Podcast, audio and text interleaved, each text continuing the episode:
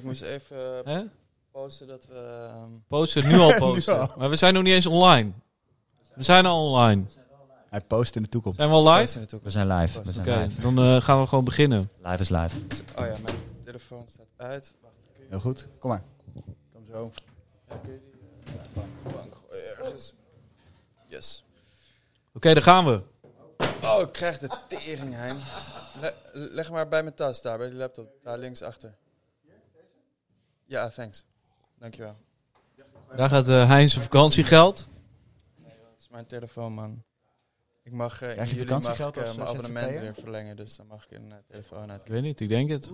Tegenwoordig eh, krijg je Tozo, dus dat is een eh, soort... eh, Ja, dat is ook weer afgelopen. voor jou is... Oh, is oké. Daar gaan we, jongens. Hij is weer verlengd, hè, de Tozo? Ja, maar mijn vrouw verdient ook geld. Dus dan eh, krijg ik niks. Ah, Ah, ja, ja. dat is waar. Ik heb, niet eens, ik heb niet eens aangevraagd. Daar gaan we. De kop is eraf. Aflevering 1 staat online. De teerling is geworpen. Terwijl de eerste reacties binnenstromen. De film op neer... Nou, ik ga hem even opnieuw doen. De kop is eraf. Aflevering 1 staat online. De teerling is geworpen. Terwijl de eerste reacties binnenstromen, starten de filmopnamen alweer op. En zijn de bioscopen alweer open. Protocollen, boetes, acties en oproepen voor het openen van sportscholen. En het beroep van acteur gelijk te stellen aan dat van de plaatselijke kapsalon vliegen elkaar in de haren om de aandacht van de media en het grote publiek. Zolang de fanfare blijft spelen, zullen wij niet ten onder gaan. Welkom bij aflevering 2 van de Kutkast. Ja, hey, eh, Hein, ik wil best weten hoe je weekend is, maar eh, ik denk toch eh, dat we even deze gasten welkom moeten heten, Ahmed de Kabi. Normaal gesproken zitten we, komen we bij de mensen thuis, dus we zitten hier in jouw eigen podcast studio. Ahmed, Akabi, welkom Dankjewel. je, in je eigen kantoor. Ja, dankjewel. Het is, ja, het is niet mijn eigen kantoor. Ik heb dit met eh, twee anderen. Eh, maar dit is wel steeds meer ehm, ja, de woonkamer. Hein? Yes. Eh, ja, we kregen als commentaar de vorige keer dat we onszelf niet echt hadden voorgesteld. Dus misschien moeten we dat gewoon eens doen. Dat is ook wel belangrijk. Ja, want mensen moeten weten podcast. wie, wie wij zijn en wat de achtergrond is misschien een beetje. Dus Julius, ik, ik vind dat wel fijn, ja. wil, jij, wil jij ons introduceren? Nou ja, nee, ik wil eigenlijk... Misschien wel? Nee? Nou nee, ik bedoel, vertel vooral eh, zelf allemaal wat je hebt gedaan. Ik denk dat dat wel belangrijk is. Ja. En wie je bent vooral. Julius, Hoe zie jij mij, Hein? ik zie jou als... eh, ik ken jou als, als producent en als eh, vooral dwarsdenker. En eh, je bent, eh, daarna heb jij je ontwikkeld. Nu, je bent je nu aan het ontwikkelen tot, eh, tot maker. Dus tot regisseur. Je bent met een documentaire bezig. Met commercials volgens mij. Voor het Spoorwegmuseum. Je blijft lokaal in Utrecht. Ik word steeds lokaler. je wordt steeds lokaler. Support your local is ook eh, mijn eh, slogan deze, deze, in deze moeilijke dagen. Ja, maar zo, Ja. zo ken ik jou. Ehm, hoe, hoe ken jij mij, eh, Julius? Ehm, nou ja, ik, ik, ik ken jou. Ik denk dat.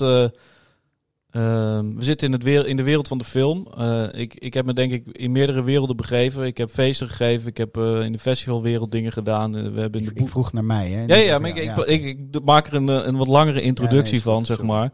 En in de wereld van de film heb, je, heb je heel veel mensen die met heel veel liefde en passie heel hard aan films werken. En, en daar zit ergens een grens waarin, waarin zeker in Nederland, waarin een film op een gegeven moment een product wordt. En er zijn heel veel bedrijven die, eh, die groot zijn. Er gaan veel grote bedragen in om. En ik denk dat jij- ik ken jou als iemand die eh, eigenlijk eh, wel film als een product ziet. maar eigenlijk met een misschien wel filmmakershart die film toch wel op een commerciële manier probeert in de markt te zetten. En ik, ik, ik zie in heel veel, hoe moet je dat zeggen, in, in heel veel ehm, eh, bedrijven die, die blijven ook niet sustainable. Dus je ziet, je ziet heel veel mensen in de distributiewereld die, die hebben op een gegeven moment een bepaald succes. En die, die, die, die gaan dan uiteindelijk weer ten onder. Ik kijk, eh, tien jaar geleden maakten wij samen een film. Daar kunnen we later op terugkomen. Maar inmiddels zijn die rechten alweer drie of vier keer eh, verhandeld. En jij bent inmiddels voor jezelf begonnen. Dus ik, ik zie jou als een persoon ja, die, die met een filmmakershart eh, eh, films uitbrengt. Die, die met een eh, hart en ziel gemaakt worden. En wel een product zijn. Ehm, maar dat ja, toch net iets genuanceerder ligt dan, eh, dan, eh, dan de, de hap-snap eh, hoek. Ehm, een dwarsdenker weet ik niet of je bent. Ik denk wel dat je gewoon eh, altijd eerlijk bent. En, eh, en ik denk dat dat iets is wat, eh, wat gewoon super belangrijk is. Dus zo zie ik jou. En ik denk dat eh, heel veel mensen eh, ja, jou, zo- jou zo zien. Of in ieder geval, ik, ik weet niet hoe. eh, j- jij kent Hein volgens mij ook een beetje. Ik denk dat we elkaar hebben leren kennen bij Rabat, toch? Daar Ja. hebben we met z'n drieën aan gewerkt. Jij was toen de distributeur daarvan. En eh, ik geloof dat we sindsdien altijd wel een soort van contact hebben gehouden. Ja. Ja, we hebben nog eh, filmavondjes gehad in Den Haag. Klopt, ja. Hoe is het met hem? Ik heb nog regelmatig aan hem teruggedacht. Wie? Weet ook weer. We hebben toen bij... We hebben toen bij iemand thuis gezeten. En toen hebben we daar een film gekeken of een afspraak gehad. Ik heb, wie hebben we het ik heb het niet over Amongst Friends, maar ik heb het dan over die guy waar we een keer... Oh, Adriaan. Adriaan Adriaan. Bel. Adriaan Bel, ja. Die, eh, ja, Live and Kicking. Die is, eh, zijn laatste project is eh, een 70 mm projector in Kino in Rotterdam installeren. Dat is nu net gedaan. Nice. Ik weet niet of ik dat mag zeggen. Ja, dat mag ik wel zeggen. Dat hebben ze nu. eh, Het gaat nu naar buiten. Eh, dus die gaan, eh, als het goed is, Tenet van eh, Nolan op 70 draaien. Sick. Dus dat is tof. Dus dat doet hij. Ja, nee, en die heeft het een, een vriend van me die in, Den Haag woont, waar jij toen ook woonde. Ja. En daar in huis een 35 mm projector heeft staan. Gewoon in zijn appartement. En een hele collectie aan toffe films. Dus daar Ja, heb ik ja. een film gekeken. Ja, Ja. ja, Grappig. welke film was dat ook alweer? Ik ben even aan het terugdenken of ik me die don't film know. kan herinneren. Maar I don't know. Maar inderdaad, we, maar we hebben, amongst, we hebben filmavonds gegeven in Den Haag inderdaad. Ja. Amongst Friends. Met kinderen van Den Haag. Het is grappig dat jij net zei dat je in een periode feesten hebt gegeven. Ik heb het ook gedaan, maar dan in Den Haag. Ja, geloof ik in Utrecht en hè, festivals door heel Nederland. Of tenminste, wat breder. Wij waren iets lokaler. ehm, Daghap was het toch? Dat staat ook op je Wikipedia-pagina, zag ik gisteren. oh, serieus? Ja, hij trad wekelijks op bij Daghap. Ja, ehm, Wikipedia-pagina's. Sta- staat er veel op. Weet niet, heb jij... Kijk ik- jij nooit ik- op je eigen Ik geloof het niet? Ahmed, dat jij niet op je eigen Wikipedia hebt zelf geschreven. Nou ja, niet iedere week of zo. nee. ehm, nee. Nee. Maar kijk, wij, wij, wij kennen elkaar. Ik denk dat ik jou een beetje kan introduceren. Want wij. Volgens mij leerde ik jou kennen toen wij Wolken 2 gingen maken. Eh, dat was denk ik de eerste. eh, Hebben we elkaar niet leren kennen bij de videoclip van, van Stuk? mm, ik weet niet of ik daar op de set was uiteindelijk. Ah, oké. Maar ik weet kan, wel. ik kan me ook niet herinneren. Dat je nee, zei, ik was niet op de set daar. Want dat was nog een beetje in de. In de, in de bedoel, de ontstaansgeschiedenis van Habbekrats is natuurlijk ook best wel een. een, eh, een, eh, Habbekrats is jouw vorige. was mijn bedrijf, vorige, hè? vorige bedrijf. Was natuurlijk ook een beetje. Dat was natuurlijk eerst. Een, was eerst nog helemaal niet echt een officieel bedrijf. En dat werd in 2006 pas echt een officieel bedrijf. Daarvoor was het meer een soort merknaam. En, eh, en daar werd een videoclip voor gemaakt toen. Voor stuk, ja. En eh, op een gegeven moment zijn we toen. eh, hebben wij die korte film gemaakt, Wolken 2. Als een soort eh, aanloop naar. eh, ja, een soort testcase eigenlijk naar Rabat. Samen met, eh, met Chico en, eh, en, eh, en, en, en Nasreddin. Chico is Marwan Kazari. We kunnen. Ja, Char. Die Ik vind het ook altijd lastig om hem Marwan te noemen. Want Ja. voor ons is het gewoon Chico natuurlijk. Ja, maar er luisteren meer, hopelijk meer mensen dan alleen ja, wij. precies.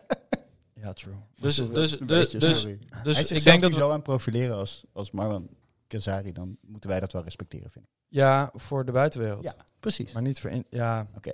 Maar dan weet nu iedereen Maar dat wij ja, Chico precies. zeggen dat we dan Marwan Ja, Kazari doen. Ja, ja. Oké. Maar in principe eh, denk ik dat dat het eerste is wat, wij, wat, wat ik in ieder geval echt bewust samen eh, gemaakt heb. Vanuit een soort van eh, nou ja, liefde om, eh, om eh, films te gaan maken.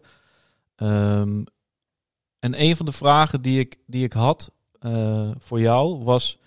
Daarvoor heb je best wel een grote internationale film gedaan. What, What Lola Wants. Whatever, Lola. wants. Whatever Lola Wants. En, en mijn vraag is eigenlijk, hoe, hoe kun, jij, kun jij eens vertellen hoe je bij dat project terecht bent gekomen? Want dat, dat, dat heb ik eigenlijk, dat verhaal heb ik eigenlijk nog nooit echt gehoord. Ik weet, Het is gek hè, dat mijn eerste project gewoon direct een internationale film was. ja, Dat is best wel sick. Ehm, door te auditeren. Bam, ik moet even dit iets beter zetten. Ja, Nou, hier. Ha, sta ik harder nu? nee, hij is goed zo. Wordt even geassisteerd in de microfoon. Quentin Baker, dames en heren. Volgens mij, eh, we zitten hier bij eh, Quinten. En volgens mij, dit is ook jullie nieuwe... Onze dojo. jullie- ja, jullie nieuwe...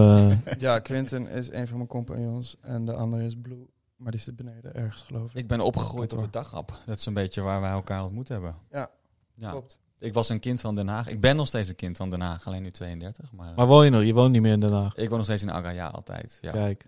Ik heb twee honden en bijna twee kinderen, dus eh, ik heb het strand nodig. En daar hebben Ahmed met elkaar en, en ik elkaar ontmoet. En eh, op een gegeven moment de handen in één geslagen om, eh, om films te gaan maken. En nu, zoveel jaren later, zitten we hier in Noord. Nice. Maar, whatever Lola wants. Whatever, whatever Lola wants. Laat me even een slok water nemen.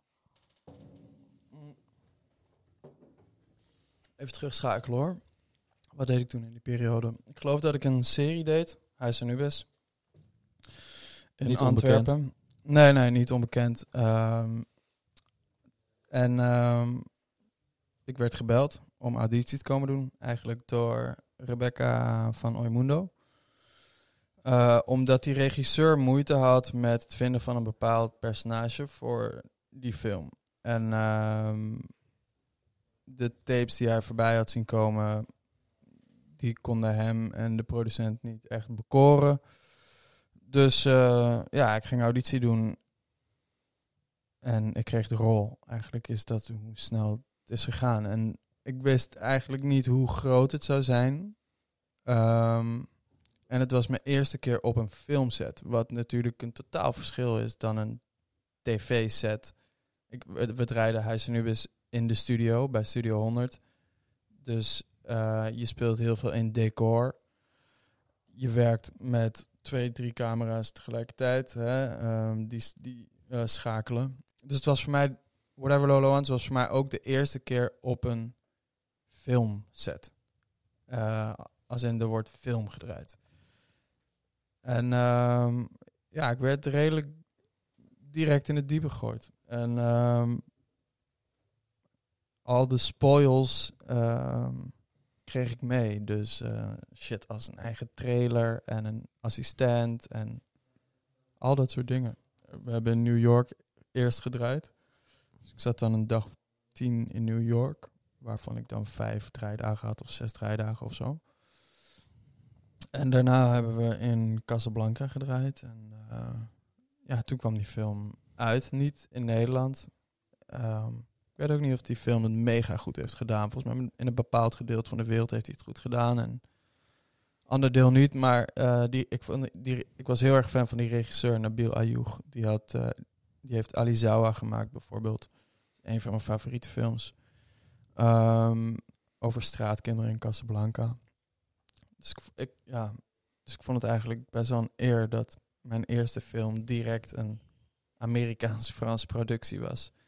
Ehm, ja, gewoon dankbaar. En was je, en was je zee, wa- wa- want je zegt ik werd in het diepe gegooid. en ik, ik, ik, ik heb een bepaald beeld van jou dat jij, laten we zo zeggen, veel zelfvertrouwen hebt.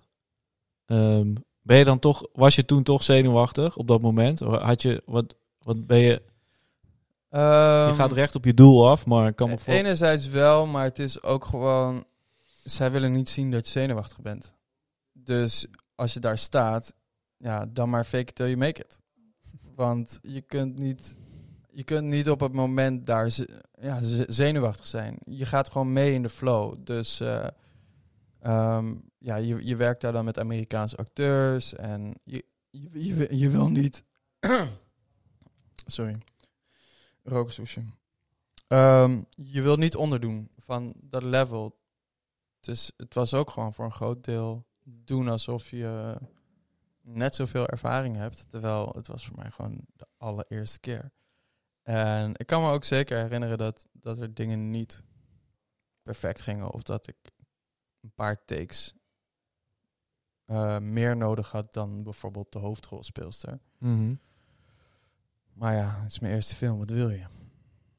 En kun je, en kun je, kun je die, die, die lijn doortrekken? Want je hebt, eh, je hebt natuurlijk nu... Ik denk dat we... Uiteindelijk zitten we, zitten we met de, de man die, eh, die deze coronatijd... voor heel veel mensen een beetje eh, op een positieve manier begon. Eh, zich, ik kan me, kan me afvragen hoe groot de bom was geweest als hij nu, als hij zeg maar nu was uitgekomen. Dat mensen nu echt helemaal radeloos zijn. Maar je hebt natuurlijk, je staat natuurlijk aan de wieg van, eh van Mokro Mafia seizoen 1 en 2. Eh, en inmiddels zit seizoen 3 eh, op de, hoe zou je het zeggen, de, in de wachtkamer In de van, eh, wachtkamer, in de wachtkamer van COVID-19. Ehm, eh, kun, kun, kun, je, kun je ons een beetje meenemen op die reis van, van dat, dat, dat jonge eh, jongetje in 2007 naar, naar waar je nu eh, zit? Ehm, en, en hoe jij voor jezelf die, die reis ervaren hebt? Ehm, die reis begon eigenlijk. Die reis begon eigenlijk met mijn broer, die me ooit meenam om mee te gaan figureren in een film van Marcel Visbeen. Als figurant. Staatsgevaarlijk was dat toen, geloof ik. En ehm,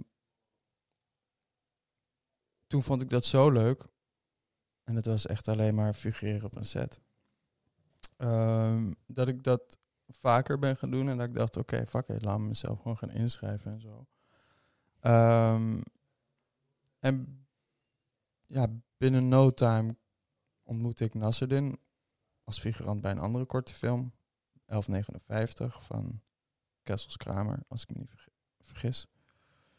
En ehm, die gaf mij op een gegeven moment wat adressen of wat telefoonnummers. Een van een eh, gezelschap, theatergezelschap in Rotterdam, Rotterdams Lef. Daar ben ik vervolgens ehm, gaan leren.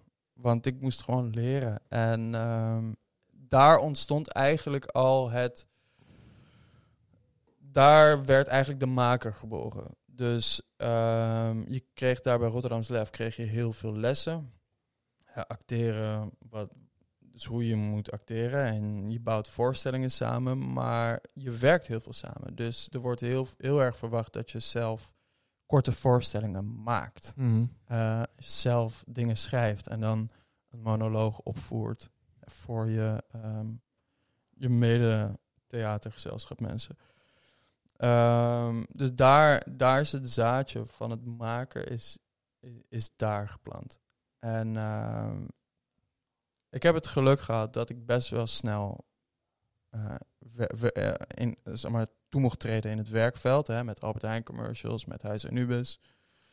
Ehm, maar dat maakaspect is eigenlijk nooit weggegaan. En eh, dat heb ik... Ik heb het vervolgens even laten liggen tijdens Huis en Nubis en Albert Heijn commercials. En toen ik besloot om, terug te, om, om naar de toneelacademie Maastricht te gaan... op aanraden van Marwan Kenzari overigens, die al op die school zat...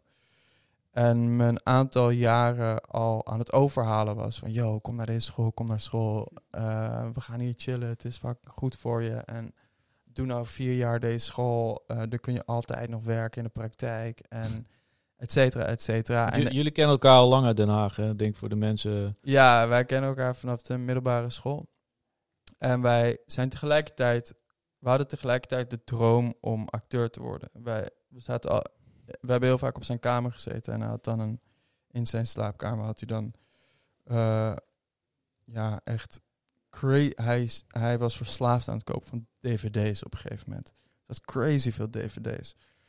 Ehm, dus we keken altijd films op zijn kamer. Ehm, en daar leerden we Bouw bijvoorbeeld ook kennen, die je ook kent. Ehm, dus op een gegeven moment kwamen we in zo'n flow dat we de hele tijd films aan het kijken waren.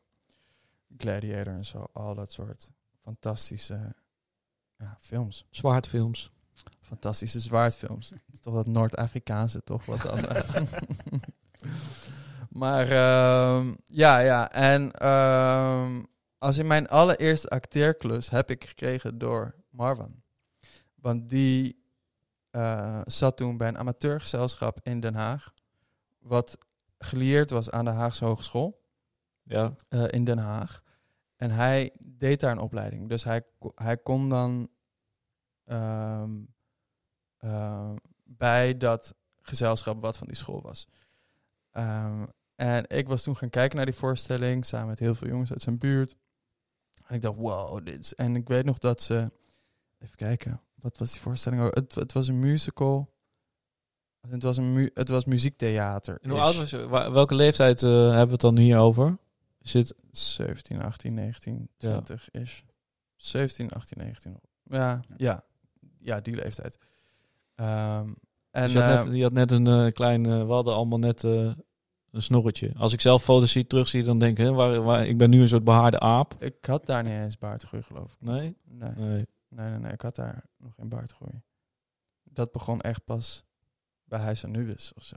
Kan ik me herinneren. Toen moest ik me namelijk ook best wel veel scheren, omdat ik jong moest lijken. Gaat het sneller, toch? Maar, ehm, maar ja, ja, dus hij, eh, hij, hij deed die voorstelling bij dat amateurgezelschap. En ik vond het zo vet dat ik zei, yo, fix die spot voor me dan. En hij ging daar vervolgens weg na een jaar, na die voorstelling gespeeld te hebben. Maar hij deed een goed woordje voor mij, waardoor ik ook in dat amateur muziektheatergezelschap kon.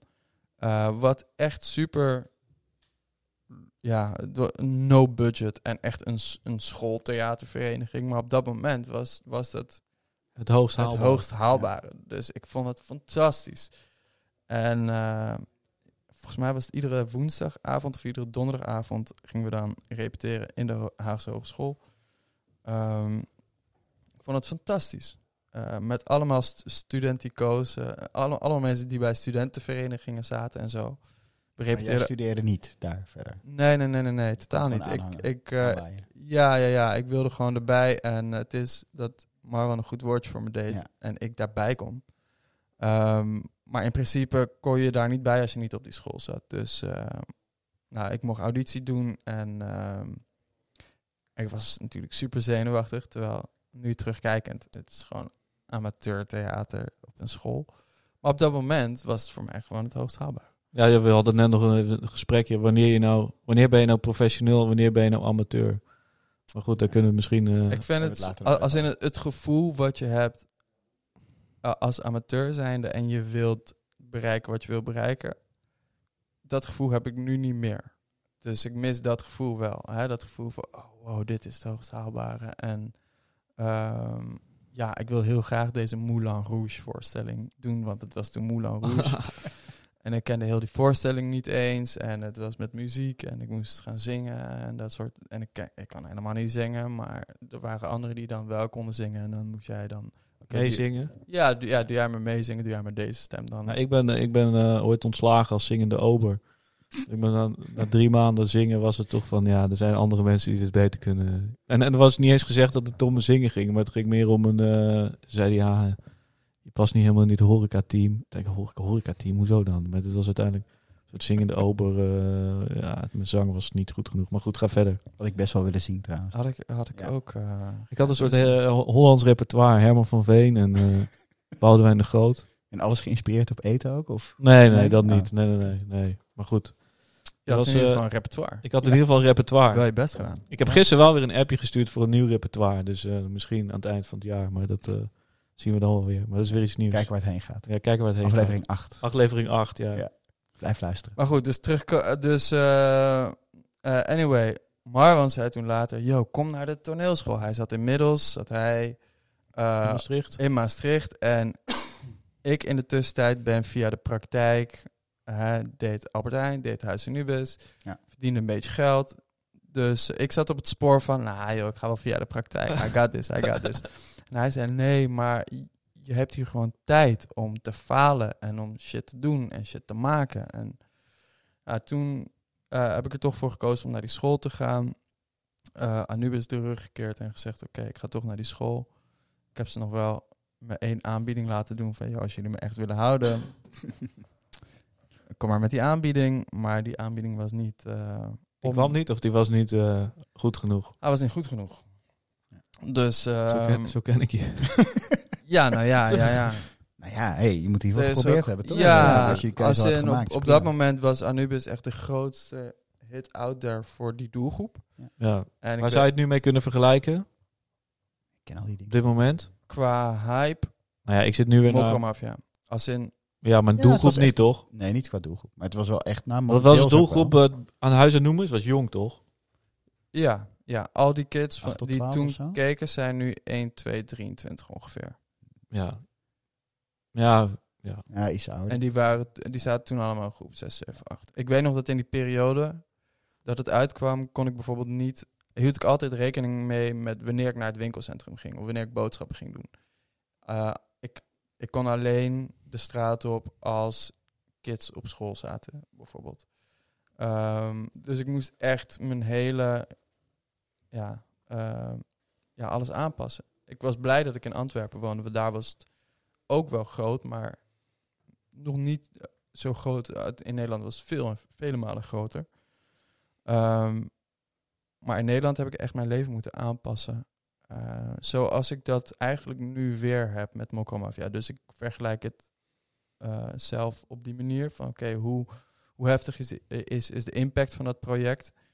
En bij Huis en Nubis hadden ze, hadden ze fandagen. En eh, die organiseerden ze dan in, in Den Haag. Ik ging nooit naar die fandagen, want ik, ik hield daar nooit van. Maar ik, er stonden zo in het hele eh, soort, soort van. Er waren zoveel mensen. Maar dat is een beetje zoals Zoveel nu met, je, met, met YouTubers. eh. ik denk dat je het meer, meer, meer, meer met die hype dan met de Stuk ja. TV en eh, de jaarbeurs waar kids in de rij staan om, Juist. om een knuffel te geven Ja. aan eh, Handtekeningen jagen. Ja, even Nou ja, ja. Ja, Ja, ja, ja. ja. selfie jagen. ja, ook. Ja. Ja. Maar En waarom dan, kon je niet over straat dan? Want wat, je werd gewoon aangevlogen of hoe ging dat? eh?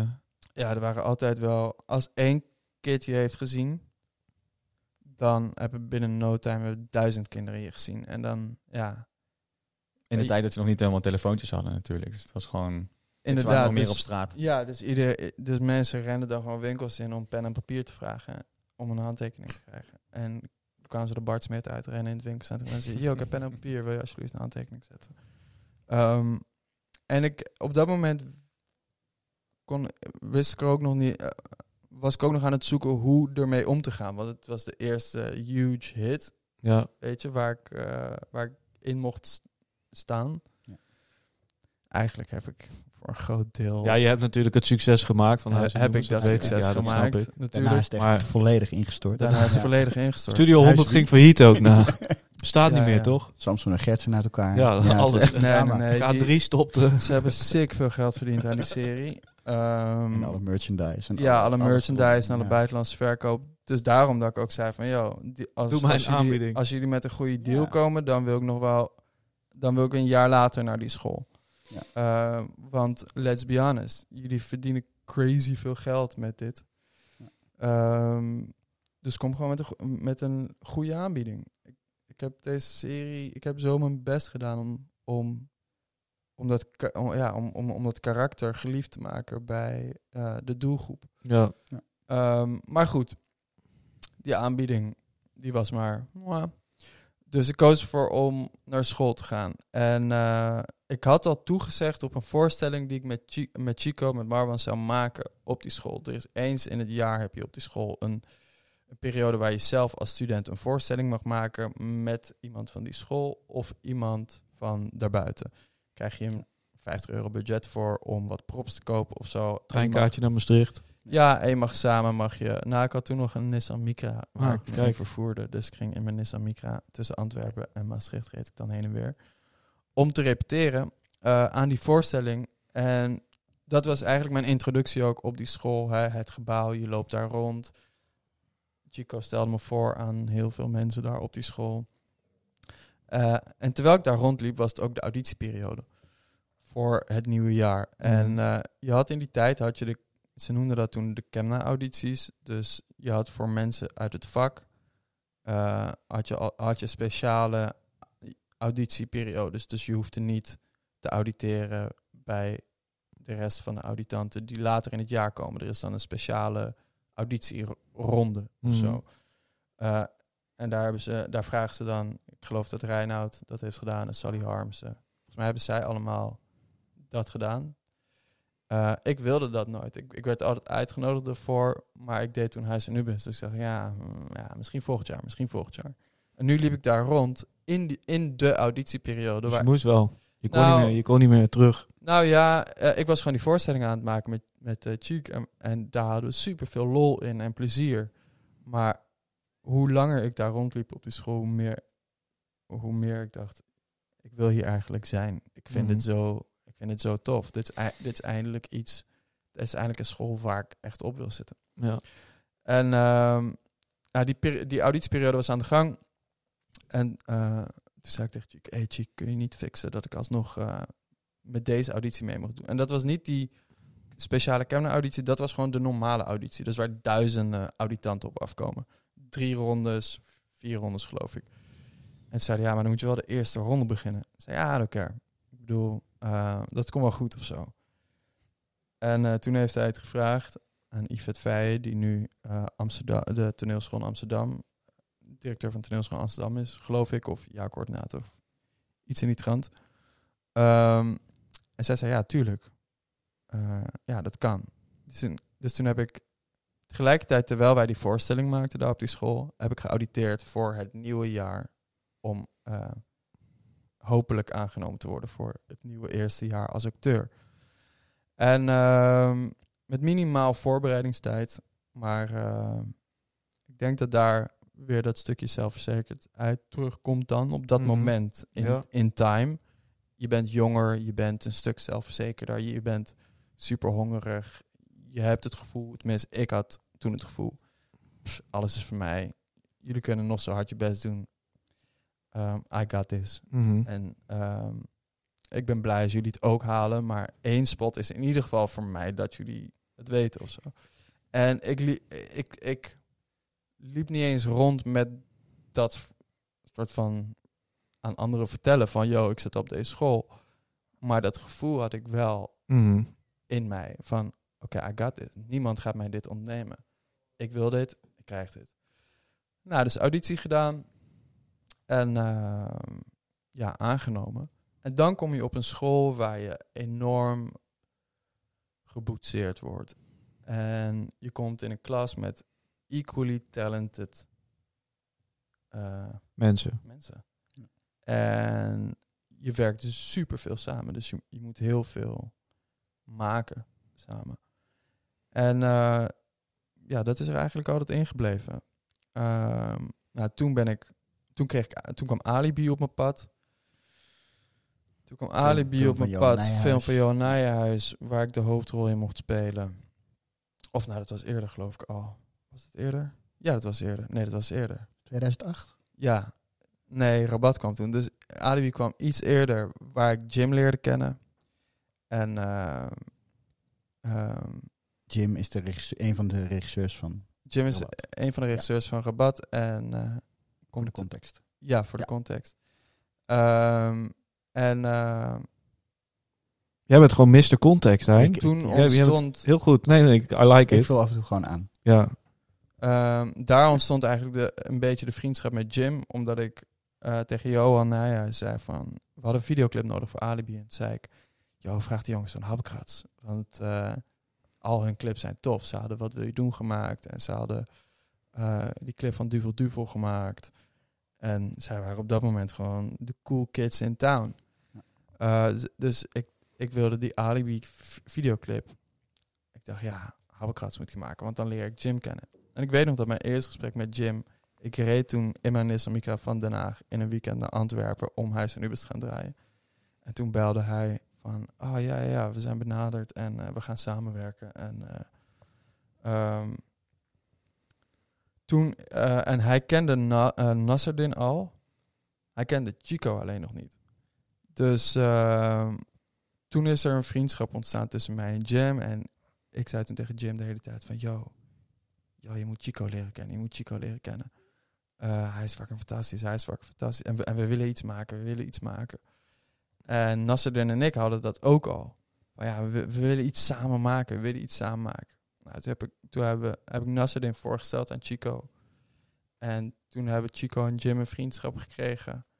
Eh, en toen ontstond eigenlijk het, idee van, yo, we gaan een film met z'n allen maken. Ehm, nou, toen, toen dat gelukt was met Rabat, ik denk dat dat tot, tot nog steeds een van de, dat is een van mijn fijnste herinneringen aan een filmproces. Ook al maakten we dat mega low budget. Het is, het is een van mijn fijnste her- herinneringen. Ehm, en ik denk dat dat ook wel altijd zo zal blijven. Ehm, Ja, ik denk zelfs dat ik eh, de referentie daaraan dat het bijna nou, niet, niet, niet, niet eh, problematisch is, maar dat het wel eh, je, je als je daaraan terugdenkt, denk ik, ja, was het altijd maar, was het altijd maar zo of zo. Maar dat, Ja, dat is gewoon, dat kan, dat, inmiddels is dat onmogelijk, zeg maar. Maar het is wel, eh, ja, ik snap wel wat je bedoelt. het, ja. het, het is, eh, ik probeer het wel te streven te laten zijn bij Ja. ieder project. Hè? Dus ook bij een Mokromafia, eh wat dierbaar is op een andere manier. Eh, ik denk ook dat het te maken heeft met eh, de tijd en ehm, niemand had verwacht dat we het zouden kunnen doen. Of niemand verwachtte eigenlijk. Nee, we wisten zelf niet eens of we het wel konden. We Dus wisten- het, was een soort eh, niet sprong in, een soort, eh, gezamenlijke sprong in het diepe. Maar ik denk dat... eh, Maar sick veel Maar dingen was zijn iedereen echt goed was het het gelukt. eerste echte grote project. Eigenlijk. Ja. Het was voor Habbekras was de eerste film. ja, Eh, nou ja, voor, ja oké, jij had dan nog het meeste Ja, ervaring. Ons, jij was de grote ster eigenlijk van de film. op dat, geval, want- grappig hoe dat op dat moment Ja, want ja, goed, had, ja, had ik toen- soort van de meeste ja. ervaring inderdaad. Ehm, Ja, maar jij was ook het, het, de bekendste kop op de poster, zeg maar. ja, Eh, ik had de Alibi gedaan, Huis en Nubis had ik al gedaan. Ja. Albert Heijn. Albert Heijn. Hollywood. Ja, maar dat had... Dat had niemand gezien. Maar hij, was wel, hij had ons wel uiteindelijk op het spoor van eh, Frans Richard gezet. Want Frans Richard was de Ja. lokale producent van Nabil, partner van Nabil. Of niet partner, weet ik niet helemaal. Maar hij werkte veel voor Nab- eh, Nabil Ayouch. Ja, Die een productiemaatschappij in, eh, in Marokko had. eh, waar Ja, veel, klopt eh, ja. waar veel soort line-producties, grote Hollywoodfilms gedraaid worden natuurlijk. En die lokale markt is dan altijd super klein. Dus je hebt er, aan de ene kant komen daar mensen miljoenen uitgeven voor hele grote films. En de lokale filmmarkt was, ja, die, die, is, die was nog in ontwikkeling. En die is natuurlijk nooit. De budgetten kunnen ze nooit aan. Dus, en er wordt ook veel gedraaid door Fransen en door, nou ja, door Nederlandse. Heel veel mensen draaien daar films. Dus uiteindelijk eh, eh, heb jij ons toen in contact gebracht met, eh, met Frans. Klopt inderdaad. En dat was wel- Frans ken ik van Whatever Lola Wants. Dus Ja, en, zo'n zo'n markt waarin heel veel buitenlandse partijen naar een land toe komen om te filmen, brengt natuurlijk ook vaak een grote vorm van opportunisme met zich mee. Van de mensen die aan de andere kant zitten, want die zitten er vooral in voor de money vaak. En wij hadden, wij hadden geen geld, dus dat, dat botste een beetje op dat moment. Maar ik denk dat met Frans hadden we wel echt een, eh, een, hadden we een hele labiele, fijne partner op dat moment. Maar goed, eh, je, je bent, we zijn in 2010 aanbeland. Eh, we hebben nog Ja, even te gaan. We hebben nog even te gaan Het, inderdaad. het makerschap eh, eh, was even, ging iets naar achter, Het maak- denk ik. Ja, het makerschap ging iets naar achter nadat ik klaar was met, met die school. Of tenminste klaar, ik heb hem niet vier jaar afgemaakt of zo. Na drie jaar Vond je- beide, vonden beide partijen dat het oké was om Ja. uit elkaar te gaan. maar krijg Dit je wel. Krijg nog een of zo? Of, eh, Nee, Proppen duizen. Geloof ik. Studieschuld Ja. kreeg hij mee. Ja, wel. Fucking dik studieschuld. Maar ja, het is wat het is. Dus ik wist, oké, daarna moet ik gaan werken om die stu- studieschuld zo snel mogelijk terug te betalen. Ja. Ehm, dus ik, ik vond het ook niet zo heel erg om afscheid te nemen van die school, want er lagen echt een paar projecten klaar om aan te beginnen. Als acteur. Dus eh, er lag een telefilm klaar en Moordvrouw lag klaar. Eh, Moordvrouw vond ik interessant, want dat was een doelgroep die ik nog niet had aangeboord. Zowel niet met Huis en Nubis, Ja. niet met Rabat. eh, Niet met alibi. Ja, deels. Heel lichtelijk met Alibi, maar echt dat RTL-publiek, ehm, dat had ik nog niet in de pocket. En mijn visie is altijd geweest, oké, je probeer eh, van iedere doel, probeer voor iedere doelgroep iets gemaakt te hebben, zodat eh, je die mensen kunt overtuigen van je kwaliteit als acteur. Eh, nou, de kids had ik al gehad. Ik had een beetje de straat met Rabat. Dat dat Ja. was Walker 2 en Rabat en zo. Dat was voor de, ja, voor de street cred, zoals ze dat zo mooi zeggen. En toen kwam Moordvrouw op mijn pad en toen dacht ik, oké, dit, dit is een project waar als ik dit goed doe, dan, ehm, dan heb ik en een hele nieuwe doelgroep die mijn werk kent. En daarbij, ehm, ja, ik vond RTL wel een, toffe partij om, om bij te hangen eh, voor een periode. Dus vervolgens heb ik die serie Moordvrouw een aantal jaren gedaan. Ik geloof eh, ze- zeven seizoenen, zeven of acht seizoenen geloof ik. Nou, en in die zeven seizoenen leer je natuurlijk mensen kennen. Van het een komt het ander. En ehm, ja, toen kwam eh, op mijn pad het project Mokro Mafia. En eh, ik was toen al bezig met, hey, het duurt wel een beetje lang voordat ik het volgende kan gaan maken. Het, eh, het, vuur, het vuur was weer aangewakkerd dat ik, dat ik wilde gaan creëren. Hè? Dus zoals ik ooit deed bij Rotterdams Lef en in Maastricht. En hoe we met z'n allen rabat van de grond hebben gekregen. Ik miste dat. Ik was Mhm. eigenlijk op een gegeven moment was ik gewoon geld aan het verdienen. En eh, ja, wel aan het acteren, links en rechts. En ik deed wel leuke projecten en zo. Ja, maar je was altijd wel bewust met, met je keuzes bezig. Je pakte niet zomaar dingen aan. Want daar hebben we ook nog wel Ja, ja, discussies over gehad in het verleden. ja, hele leuke discussies waren. ja, ja. Eh, ik, Maar omdat je echt, toen was je ook echt, het was na postrabat en nog voor moordvrouw volgens mij, was je heel erg zoekende van oké, hoe kan ik ervoor zorgen dat ik ook echt serieus genomen ga worden? Eh, in ieder geval was mijn, mijn perceptie een beetje in dat, in die gesprekken die we hadden. Van hoe kan ik keuzes maken dat ik, weet je wel, je wilde niet, eh, je was volgens mij ook heel erg bewust bezig dat je niet als een stereotype neergezet wilde worden, nou, eh, dat, toch? dat. Maar ik, ik was zeker bezig met hoe kan ik zo lang mogelijk dit blijven doen. Sustainable maken. zeg Ja, hoe, Kun, hoe kun je jezelf gewoon eh, sustainable maken? En ehm, ehm, mijn, mijn voorbeelden waren ja, misschien een factor voorbeeld en we hebben er vaak om gelachen.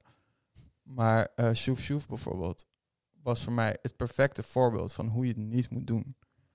Ehm, de verhalen die ik bijvoorbeeld hoorde van ja, yo, eh, op die set en het fucked up werken met dat soort mensen en ehm, of tenminste met, met dat soort mensen, met, met die cast en ehm, begonnen naast hun schoenen te lopen en eh, dat vond ik kut, omdat ik dacht, oh fuck, dus jullie hebben het verneukt voor mij, want ik krijg nu al die shit te horen ehm, die jullie hebben gedaan. Eh, de- en ik wist daar van mezelf, oké, ik, ik, ik wil dat nooit. Mhm. Dus wat ik wil doen is de andere kant op. Wat ik wil doen is super loyaal zijn. Fucking getalenteerd. Mijn best doen. eh, altijd proberen de beste te zijn in wat ik doe. Ehm, en gewoon geen lul te zijn op de set. Ehm, ja, gewoon openstaan voor haar, eh, iedereen en anderen. En eh, proberen voor de volgende, ge- eh, zodat de volgende generatie kan kijken hè, naar iemand die op ze lijkt en kan zeggen: Oh ja, nou, dat is op zich wel een een chille route. Dus ik was eigenlijk bang de hele tijd om, het, om hetzelfde lot te hebben als, als die Shoef generatie die niet meer aan het werk was. En, ehm, en daar was ik mega bang voor. Ja, ik was daar gewoon bang voor. Los van hè, of je kwaliteiten nu En wanneer heb je die angst los kunnen laten dan? Wanneer, de- wanneer, was je daar, wanneer was je dan bewust dat, van het feit dat je daar bang voor was? Want ik kan me voorstellen dat je dat in dat moment... Ik denk dat Moordvrouw me, me daar wel bij, echt bij heeft geholpen om dat los te laten. Moordvrouw was zo'n giga-hit Mhm. in het begin. Besef hè, eerste aflevering van Moordvrouw, 3,4 miljoen kijkers. Ja, ik denk niet dat ik denk niet, van Dijk. ik denk niet dat ik helemaal tot de doelgroep behoor, Nee. maar eh, Nee, ik heb af en toe heb ik eh, gekeken hoe jij in Friesland ergens eh, door het kanaal eh, ging en dan eh, Ja, ja, dat eerste seizoen was in Friesland inderdaad. En vervolgens... eh, behoor jij tot de doelgroep, Quinten, denk je, een woordvrouw? Of nee, de doelgroep was voornamelijk gewoon Nee. vrou- Nee. vrouwen en gezinnen en niet de Randstad. Ja. Begrijp wat ik bedoel? Nee, ik snap het heel Ja, goed, maar, dat eh, baantje 20 jaar geleden was. Ja. Dat was moordvrouw eh 10 jaar geleden. Ja, ja, ja, ja. ja, Ja, het was Ehm, wel een Nederlandse politieserie. Ik bedoel, Ja. niet tot, de- tot de doelgroep hoor, maar ik dacht wel van dat, dat, dat, dat Nederland had het wel nodig en dat merkte je ook. Hey, besef dat ik gewoon genomineerd ben voor een zilveren televisierster. Oh, ik dacht de gouden, uh, gouden ijsbeer, dat die... eh, Hij maar- staat hier ook in de Ja, gouden Ja, Ja, kunnen we ja. zoomen? Nee, helaas. We kunnen niet zoomen, maar ik kan hem even ophouden. Deze was voor de beste achtervolging in de Friese wateren van eh, De geile beer van het Ahmed, jaar. Ahmed Akabi. De beste achtervolging in de Friese water. Ja, Nee, maar dus... ehm, prijs, ja. Vrij specifiek. Ja, Maakt niet uit. Ga door. maar ga verder. Ehm, ja, nou ja, dus moordvrij heeft best wel veel voor me betekend. En daar heb ik het een beetje los kunnen laten. Toen ik zag van, oké, volgens mij ehm, kan ik dat gevoel van ehm, je hoort hier niet of het kan je ieder moment ontnomen worden. Volgens mij heb ik inmiddels wel laten zien dat uh, ja, that I'm here to stay. Ja. Um, Maar het, het, ma het maak, het, het, het, het, het, maar het begon wel weer te kriebelen om te gaan maken. Dus um, ja, ik was uh, vooral voor mezelf op dat moment bezig met, als ik niet aan het filmen was of ik was niet aan het acteren, was ik bezig met, oké, okay, wat kan ik van de, zeg maar, ik, ik wil iets opzetten. Um, eigenlijk hoe we rabat hebben opgezet, daar is het eigenlijk voor een groot deel ontstaan in de zin van, oh kijk hoe snel iets kan gaan Ja. als je de juiste mensen om je heen hebt. Als je de juiste mensen kent en je hebt het juiste team om je heen. Dus uh, het begon gewoon met, oké, okay, laat me gewoon wat dingen gaan schrijven en kijken hoe het, uh, ja. En als ik dat nu teruglees of zo, dan is dat allemaal verschrikkelijk, want het zijn de eerste dingen die je schrijft. Maar het, het is wel noodzakelijk geweest hè, voor alle dingen die daarna komen. Ja. Dus op de achtergrond ben ik me thuis in mijn eentje een beetje gaan trainen. Veel, veel lessen gevolgd online. Veel interviews gekeken.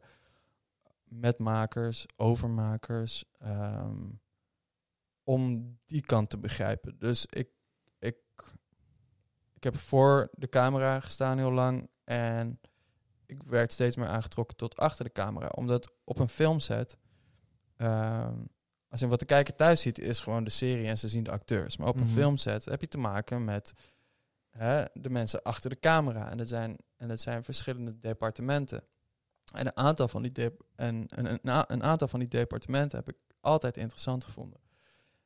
Met name de creatiekant. Hè? Dus de schrijvers, eh, de creative producers, de regisseurs, de makers. Ehm, ja, dat, dat is alleen maar meer gaan groeien per seizoen Moordvrouw. En eh, Volgens mij zei je dat letterlijk ook eh, op een gegeven moment tegen mij, toch? Hey, dat, dat produce- ik produceerde toen alleen nog maar. Dat produceren wat jij doet, dat, dat wil ik ook. Laten we dat gaan doen. ja, Zo is letterlijk volgens mij gewoon Tabernacle ontstaan. Ja. Nee, ik weet het zelf nog wel. Dat jij op een gegeven moment eh, zei van ja, ik wil ook gaan produceren. En ik was denk ik veel te druk met eh, de projecten die wij op dat moment hadden. Eh, waardoor ik daar voor mezelf ook op dat moment helemaal geen... Ik nam het wel serieus, want ik zag wel dat je heel serieus was. Maar ik was op dat moment al zo occupied met alle projecten die, die wij bezig waren. Dat, dat ik... Dat je daar ook gewoon... maar je was wel altijd supportive bij eh, projecten. En nee, ik kan me dat wel herinneren, ja, dat je dat eh, bewust ook zei. Dat je, en het produceren denk ik meer in de zin van de energie vangen van het, van het creëren, denk ik, dan, dan het daadwerkelijk het organiserende deel van productie. Ja, maar snap wel zeg maar, het, ondernemende, het on- ondernemende deel van produceren, zeg maar. Gewoon, Ja. ja. Ik bedoel, wij, wij kennen produceren. Ik bedoel, je hebt de uitvoerend producent en die Weet je, je hebt de fina- financiële kant, je hebt Ja. de productiekant. Je hebt verschillende.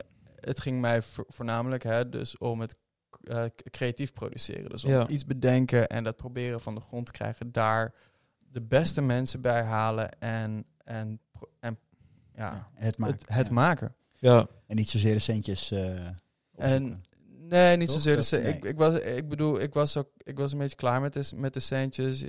Je hebt een, ik deed een serie bij RTL. Eh, er zijn in de tussentijd zijn er ook wat films voorbij gekomen. Soof 2 vond ik belangrijk om te doen, omdat dat ook weer een doelgroep was die ik niet had gepakt. Met mijn andere projecten. Dat was ik wel de doelgroep. Bij Sof 2. ja.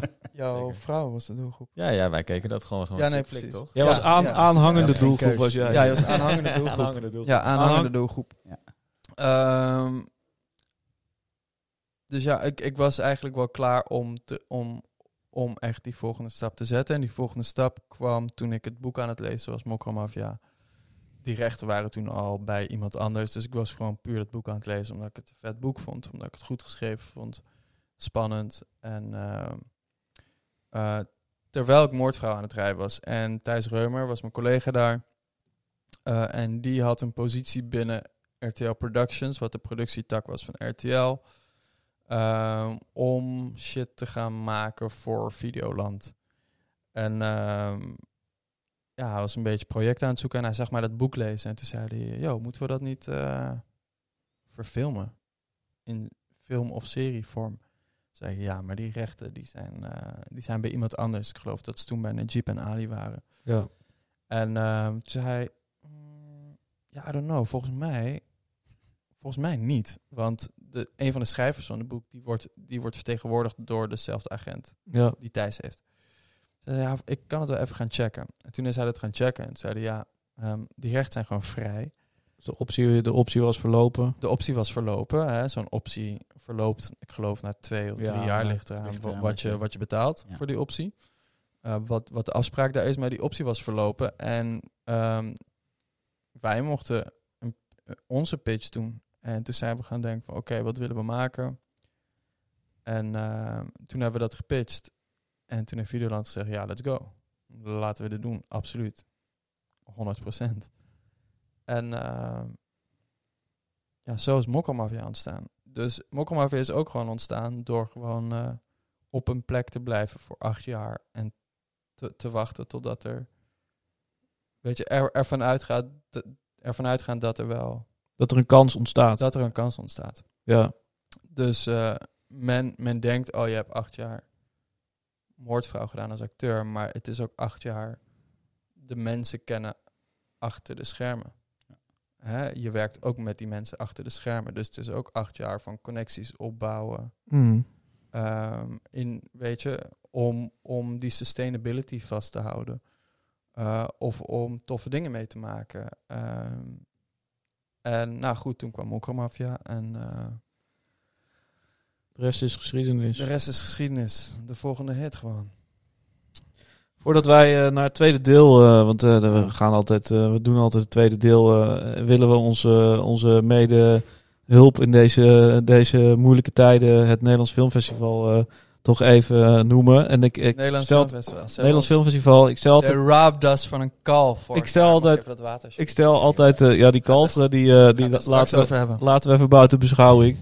Maar- blind. Maar, maar ehm, kun, kun je, wat is jouw eerste filmfestivalervaring, eh Ahmed? Kun je die... eh, Paasje glasoe, paasje glasoe. Mijn eerste filmfestivalervaring?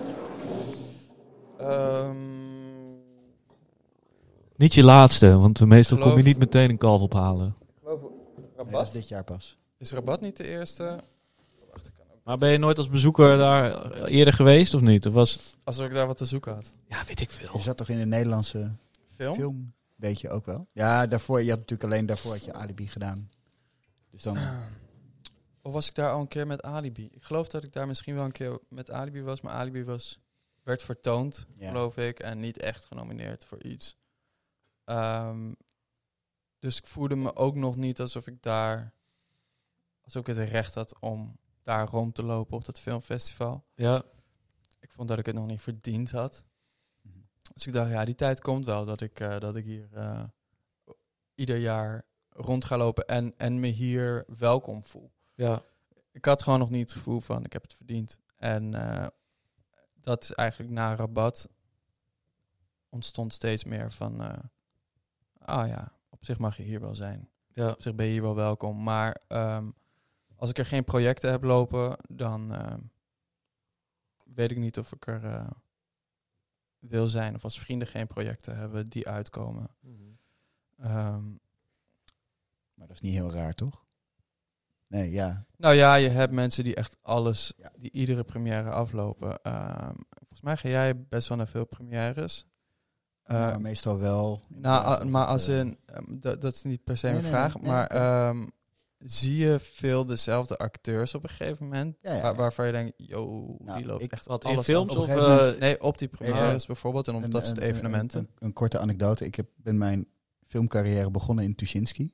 Eh, popcorn scheppen en zo. Eh, maar vooral ook eh, bij premières bij de deur staan in zo'n rood pakje. Ehm, en ook heel leerzaam. Want hè, je leert heel veel mensen kennen. Dat is ook een beetje hoe, hoe ik de wereld in ben gerold. En op een gegeven moment, ja, in Tuschinski is elke week wel een première. En het waren altijd dezelfde mensen. Dus op een gegeven moment stopte ik ook gewoon met kaarten controleren. Want ik weet van ja, jij, jij bent hier de afgelopen week, ben je hier Ja, zes ja, keer geweest.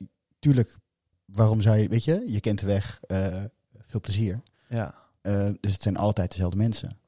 Ja, maar het is ook een klein wereldje. Ja, super klein.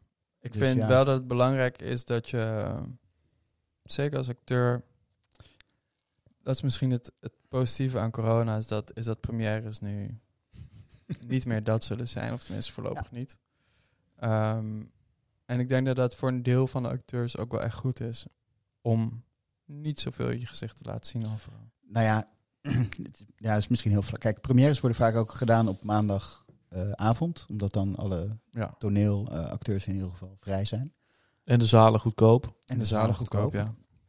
Ehm, maar ja, ergens is het natuurlijk ook Zeker zo. Als jij, als jij de tijd hebt om elke week naar de, film, naar de première te gaan.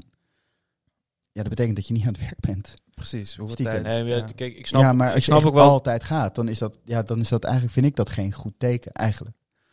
Klopt. Eh, dus, Maar goed, je had het is natuurlijk wel, je had natuurlijk wel het geluk dat je. Ik bedoel, eh, het is natuurlijk, ja, ik, sn- ik snap dat je dat zegt. Ik ben, ik ben het ook gedeeltelijk denk ik wel met je eens. Maar je had natuurlijk wel, als jij elke week voor 3 miljoen mensen op RTL te zien bent, dan hoef je niet De meer. eerste naar, aflevering, op een gegeven Ja, moment was het laatste seizoen was 1,3 miljoen. Nee, maar maar, dat dan nog, tegenwoordig is het ook veel. is nog steeds, is nog steeds, eh, is nog steeds heel veel.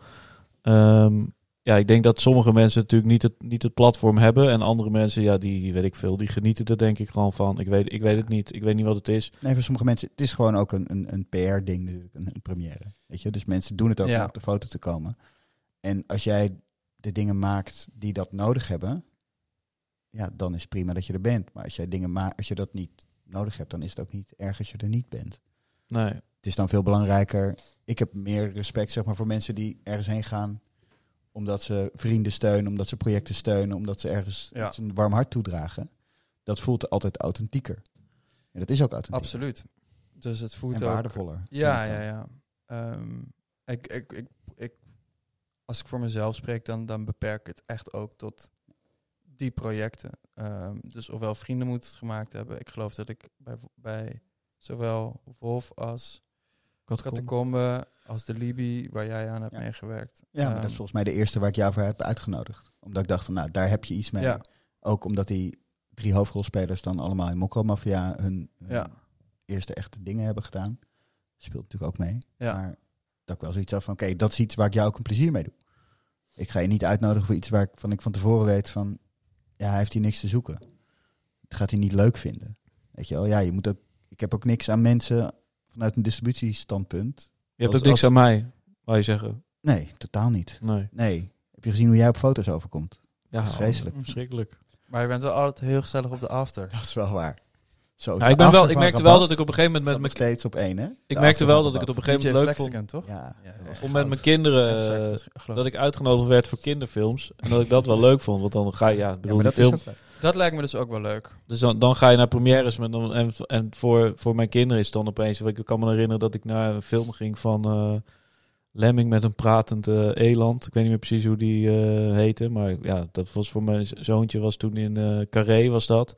Ja, die vond het helemaal fantastisch, joh. En, en voor mij is het dan, ja, oké, je gaat, eh, Dan ga je voor hen, dan ga je niet voor jezelf. Ja. ja. Ik denk dat ik dat ook wel leuk zou vinden. Als ik kinderen zou hebben, Ja. dan... eh, als, Dan in, is het- als in, ik neem het mezelf ook... Ik, dat is het enige wat ik op dat gebied mezelf een beetje kwalijk neem... is dat ik mijn neefjes en mijn nichtjes niet meeneem naar kinderpremières. Als nou ja, bij deze mensen gooi je kaartjes op eh nee, kinderfilms. nee, nee, helemaal niet. Voor neefje en nichtjes. In Amsterdam-Noord. Ja, Sorry? Tabernacle in Amsterdam-Noord. Ja, nee, nee, Ja. nee. Ik probeer mijn eh, Privé. privé is privé, toch? Dus, Maar gewoon eh, meenemen naar de film bedoel je? Gewoon de, de normale voorstelling. Nou, of naar, zo- nou, meer naar zo'n première. Ja, ik denk wel dat met ze dat alle echt- toeters en bellen Ja. en zo. eh, dat vinden ze natuurlijk Ja, hartstikke ik denk gaaf. wel dat je dat. Ik denk dat je dat. Je moet dat niet te vaak doen, want dan worden je kinderen weer een soort van eh spoiled. En dan denken ze dat ze altijd een gratis is. snoepen. Ja. En dat ze. Dan is het, hey, waarom ligt er geen uitnodiging voor Frozen 6 Ja. op ik ben nu naar, ik ben nu naar wat is het, Misfit 1 en 2 de premières geweest en zo. En eh, ja, mijn, do maar ja, mijn dochter vindt dat he- echt helemaal geweldig. En eh, ja, ik bedoel, het is niet per definitie mijn, eh, mijn film of zo. Maar ik denk, ja, ik zie haar daar zo van genieten dat dat. dat, dat maar ja, als, ik dat, als ze dat altijd zou doen, ja, op een gegeven moment wordt het misschien weer normaal. Ja, ja. Ehm, maar ja, ik denk wel dat een, als een première gewoon een bepaalde energie... Kijk, uiteindelijk is een première ook een soort van... Ja, het, het is een soort van eh, energieboost moet het zijn. Zowel voor de makers als voor van... Het is toch een soort van lancering. Eh, Ja. Het is eigenlijk de enige, een van de weinige momenten waarop je als filmmaker natuurlijk in contact staat met het publiek.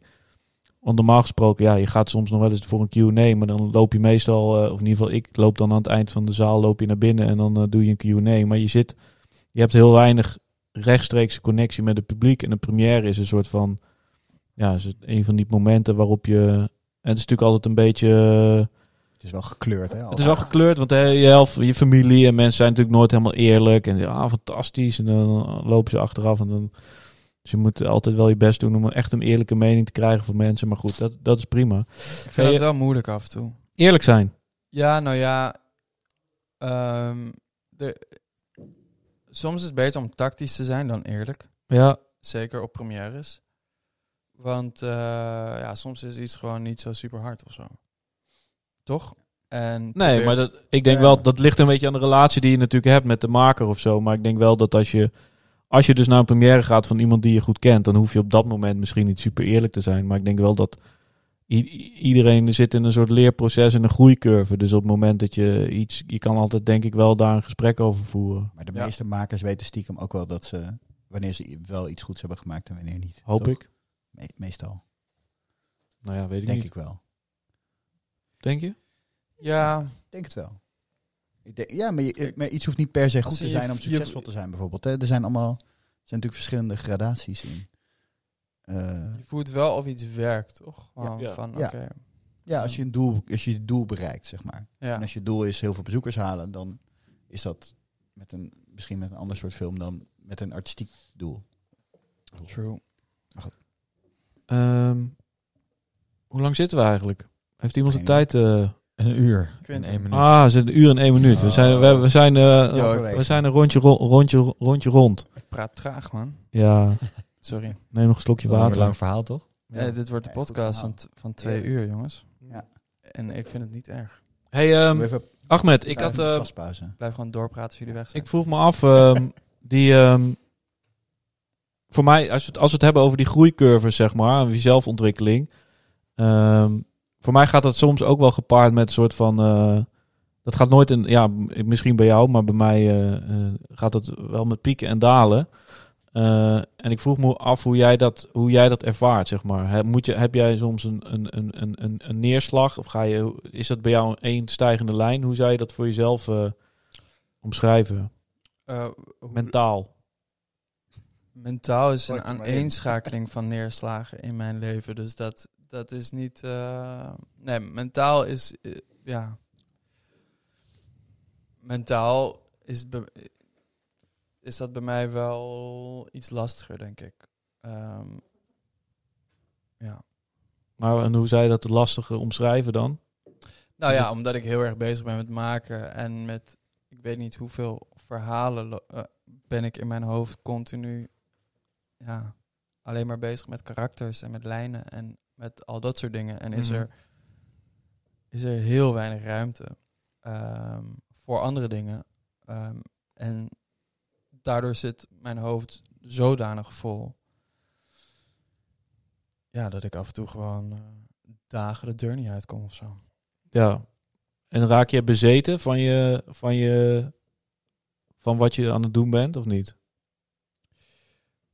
Ik kan, ik kan er wel, eh, ik kan wel eh, verdwaald raken in de saus. Ja. Mooi omschreven. En, Ja, en, heb, en, en, hoe, en wie, wie, wie haalt jou dan weer uit die saus, zeg maar? Wel, Niemand, ikzelf. jezelf. Ja, ja, ikzelf. Ja. Moeten we jou gewoon af en toe even bellen? Gewoon Nee even hoor, helemaal niet. Vast zit. Nee, ik bedoel, ik, ik, ehm, ehm, ik leef denk ik al tien jaar zo. En ehm, ik haal mezelf er altijd uit. Dus eh, het is niet dat ik heel zwaarmoedig ben of zwaar in het leven sta. Of, iets. Maar ik heb wel een iets zwaardere aanleg. En ik denk dat dat ook te maken heeft met verlies. Weet je, wat je in een bepaalde periode van je leven hebt meegemaakt. En wat je meedraagt. En Ehm, ja, dat is wat het is. Ja. En zou je, en, en, maar, en als je dat en als je dat als je in je, in je, in je, in je dat is natuurlijk een, een soort van het, het menselijke aspect van jouw persoon. Maar als je het lostrekt van, eh, eh, van jouw mens, maar meer kijkt naar jouw professionele carrière en die groeicurve daarin. ehm, Is eh, die eigenlijk alleen maar omhoog gaan? Ja. Ja. En heb jij voor, voor je gevoel, en hoe, hoe creëer je dan, zeg maar, op het moment, want je bent nu vrij, je bent nu succesvol. Ehm, Hoe ga je hier nog overheen komen? Nou ja, niet zozeer hoe ga je hier nog overheen komen, maar hoe ga je, ehm, hoe organiseer je dan dat je, eh, eh, hoe organiseer je kritiek Eh, en hoe zorg je dan dat je weer doorgroeit? Hoe, hoe, hoe, zie je, hoe, hoe, hoe, hoe doe je dat? Ben ik gewoon heel benieuwd naar. Hè? Dus het is niet. eh,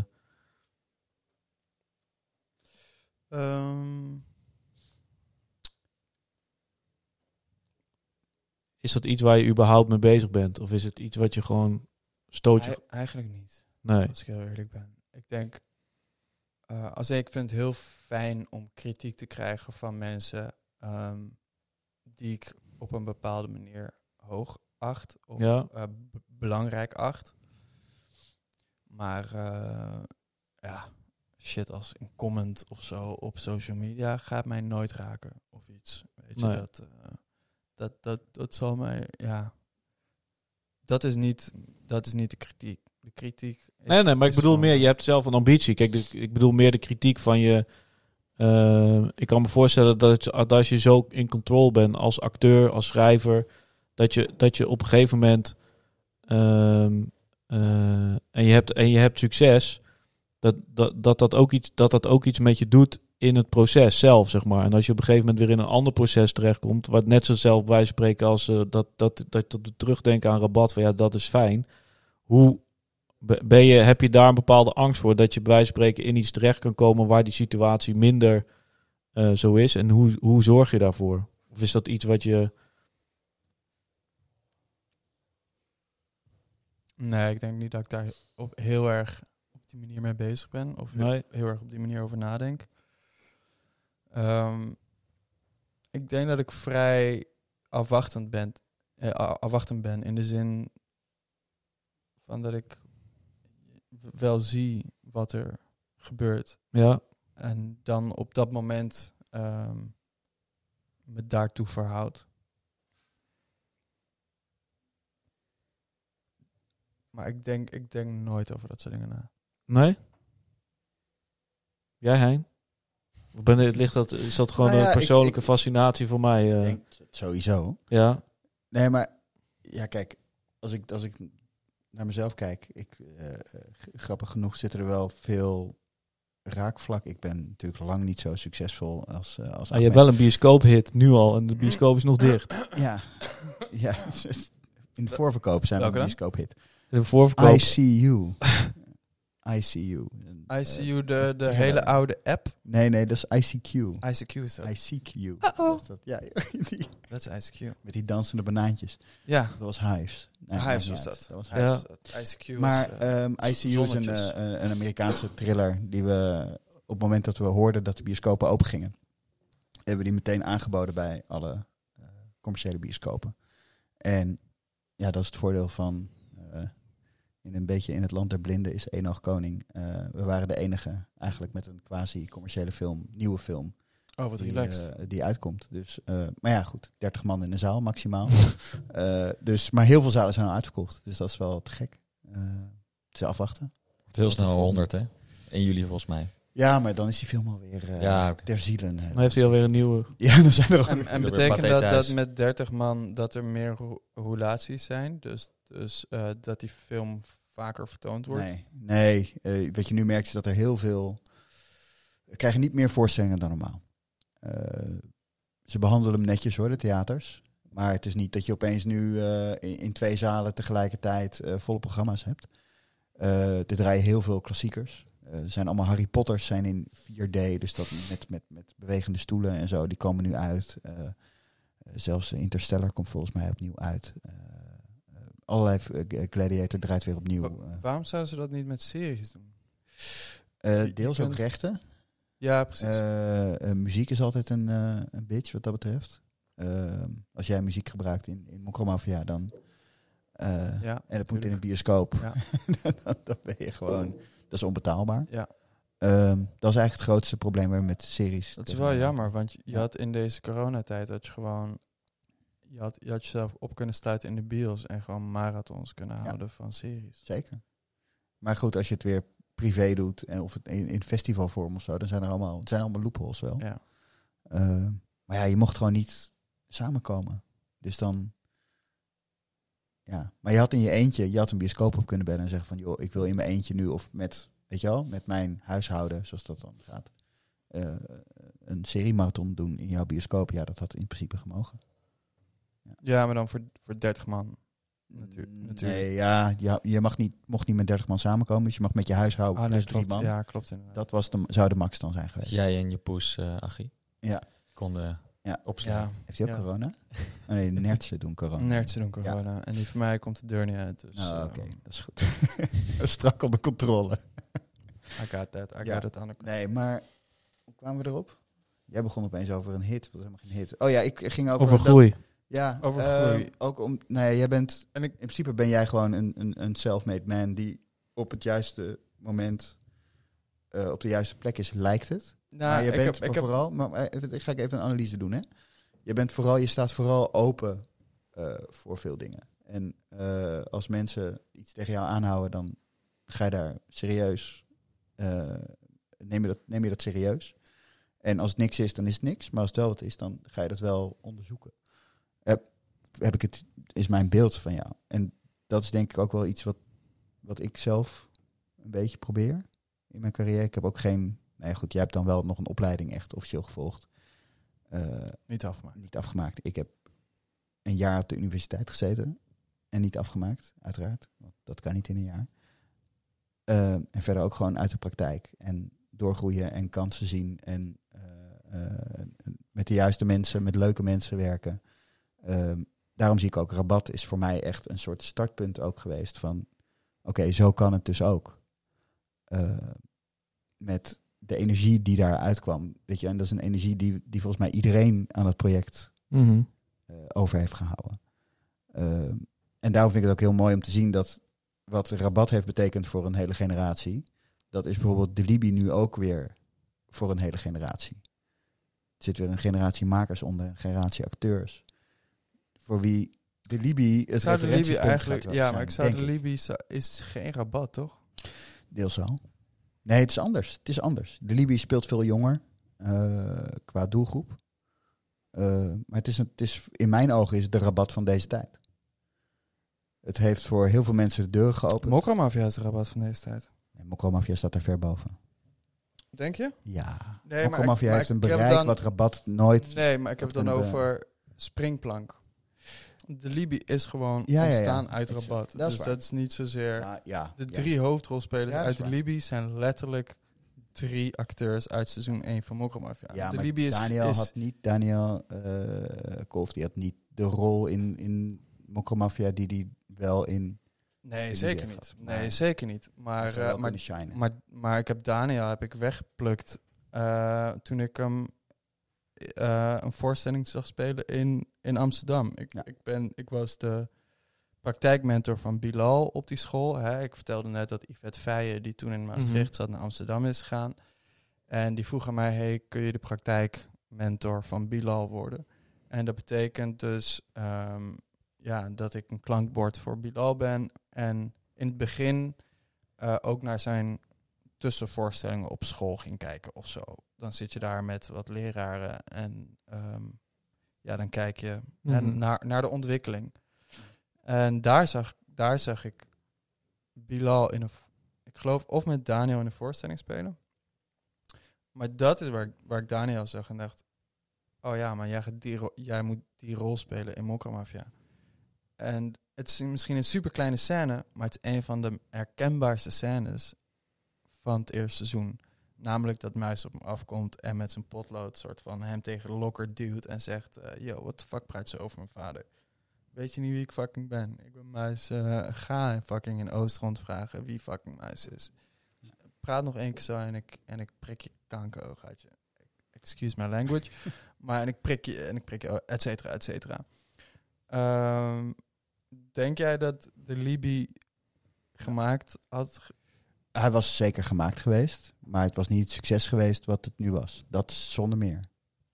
Dus ik denk echt dat Nee, maar, Mokko dus- Mafia maar, wat dat betreft qua is het natuurlijk- springplank vibe, hè, dus wat rabat was voor Nasreddin en eh, Chico en mijzelf, is Mokko Mafia. Ja, maar ik denk dat het misschien een soort ander soort springplank is. Want Ja, ik denk, ik denk dat, dat Libi misschien voor... Ik denk meer voor Shady en, eh, en, eh, en, eh, en Jeroen. Voor, de, voor het, voor het team achter... Ja, voor hun, is het, voor hun is het wel een soort van... Ik denk voor Bilal en is het misschien net iets Nou, minder... Mokko en- Mafia ook. ja, Giancarlo Sanchez mocht daarna Ares gaan regisseren. ja. Eh, ehm, de, de, de schrijvers zijn sky high gegaan daarna. Ehm, Nee, helemaal eens. Nee, kijk, en voor, voor Bilal was natuurlijk de Libi ook interessant, omdat dat echt zijn eerste standalone hoofdrol was. ja, eh, in, in, in dat aspect. Dus wat dat betreft is het voor hem wel... overigens ben ik hier niet om te haten op de Libi. nee, nee, hoor, nee, nee, nee, zo voelt het ook niet. I love the boys allemaal, maar Nee, maar ik, ik begrijp wel wat je bedoelt. Ze hebben allemaal hun kansen ook te danken aan, mede aan, aan, aan Mafia, zeker. En we hebben dat in de campagne ook eh, eh, natuurlijk hebben wij gebruik gemaakt van Mokko Mafia.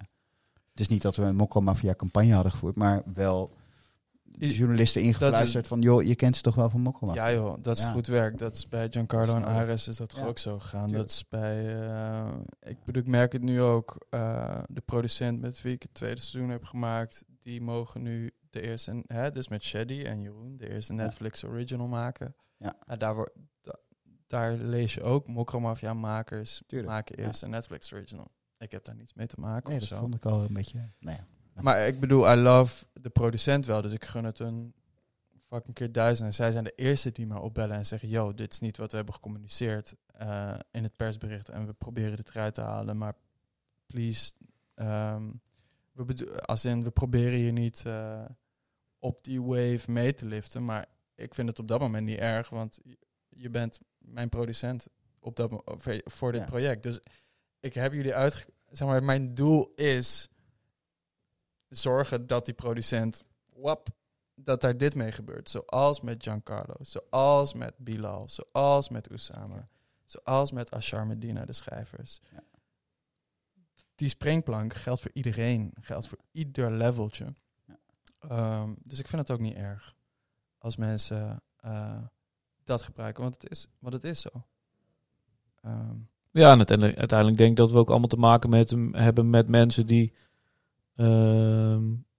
ook zelf een gevoel hebben voor op het juiste moment op de juiste plek te zijn, zeg maar. Ik bedoel, als je het hebt over hoe mensen praten over een goede, wat maakt een goede spits, is dat die gewoon een soort intuïtie heeft. Dus ik denk dat mensen die, eh, die iets willen en ambitie hebben, dat die dat ook eh, natuurlijk al- altijd voor een deel aan zichzelf eh, te danken hebben. En, en bedoel, Rabat is ook ontstaan uit, de, uit, het, uit een frustratie dat we een ander project waar we twee jaar niet eh, het geld voor bij elkaar kregen, toen dacht ja, fuck it, nu gaan we gewoon een film maken.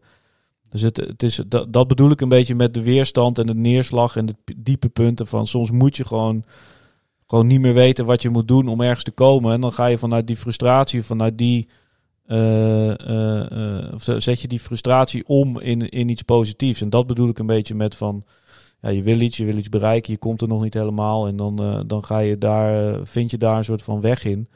Ehm, eh, ik ben helemaal niet op zoek naar een soort radeloos verhaal van jou, maar ik ben meer gewoon benieuwd hoe je dat, ehm, hoe je dat proces voor jezelf ziet. Omdat je wel gewoon, ja, je hebt nu, je hebt een, je hebt er gewoon echt een succes gehad. Je hebt een succes.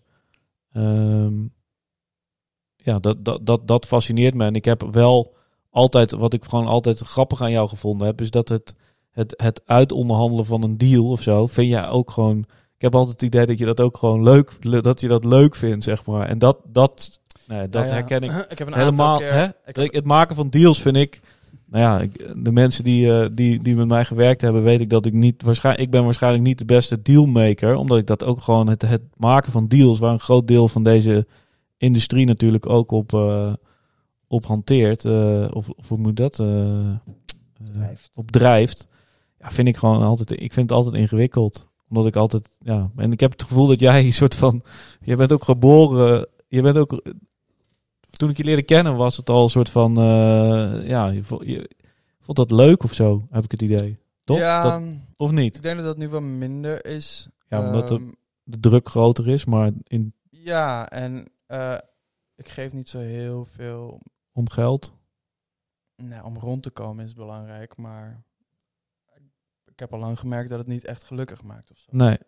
Ehm, dus ja, ehm, het gaat mij nu niet meer zozeer om de deal. Het gaat mij meer om, op dit moment, hè, als ik kijk naar Mokro Mafia seizoen 2 en de projecten die ik hierna wil gaan doen, gaat het me gewoon om hoe, hoeveel mensen kan ik lanceren? Ja. Wie is de volgende ster die ik kan lanceren? Wie is de volgende regisseur die gegund moet worden? Welke nieuwe schrijver eh, is van de filmacademie gekomen die een kans verdient? Mhm. Ehm, op, ik, dat is wat me gelukkig maakt. Als, op, zo ben ik aan het denken. Wie zijn de Mhm. beste mensen die ik bij een project kan, Ja. kan halen? Met wie kan ik dit het best doen? Ehm, ik, als, ik één, als, als ik één talent heb waar ik, waar ik zelf van denk... oké, ja, dat heb ik een beetje onder controle... is het eh, het bij elkaar zoeken van de juiste mensen. Of in ieder geval de beste mensen. Mhm. Ehm, ik kan direct zien of iets werkt of iets niet werkt. Ik zet ook, ik vind het super fijn om bijvoorbeeld bij audities te zitten. Of zelf tapes te kijken die opgestuurd worden. Want ik kan in drie seconden zien of iemand het wel of niet heeft. Let, acteurs hebben rollen gekregen op basis van een milliseconde in een auditietape. Mhm. Terwijl die rest van de auditie kut was. Snap je? De vader die, van Muis in Mokromafia. ehm ze wilden eigenlijk iemand anders daar. En hij deed een paar audities. En de laatste, zijn laatste take in de laatste in, in, in de laatste paar seconden van die take deed hij iets eh, waar, waar ik zag, dat is hem. Dit is wat we nodig hebben. En wij kijken die tape terug, hè, dan zit je daar met de regisseurs en, eh, en eh, met Thijs, met wie ik toen nog het eerste seizoen deed. En met de casting director. En dan ga je die tapes terugkijken. En dan is het, ja, hm, we weten niet, we weten niet. En dan, is- wacht, spoel door. Hm, terug. Dit moment. Ja, speel af. Oké, bam. Zie je wat hij hier doet? Deze fucking milliseconde wat hij hier speelt. Deze blik. Dit is waarom hij die rol verdient. Dit is als in... ehm, als, als, als er één talent is waar, waar, waar ik op vaar, waar ik op vertrouw, is dat mezelf 100%. Als in dat ik weet van, oké, ehm, ik, ik weet wa- wanneer, ik weet vooral waar, wanneer iets niet goed is. Ehm, en ik denk dat ik dat ook wel, als ik één les geleerd heb op de toneelacademie, dan, dan is dat van eh, een leraar die helaas niet meer onder ons is, René Lebeau, een van de statuten als het gaat om Maastricht. Mhm. Eh, zal de jeugd niets meer zeggen. Maar hij kwam altijd met: ik weet niet hoe het wel moet, ik weet alleen hoe het niet moet. En eh, ik heb dat een beetje overgenomen of zo. Ik weet niet hoe het wel moet. Ik heb mensen nodig die, die geskild zijn in, in dat gebied waarin ik dat niet ben.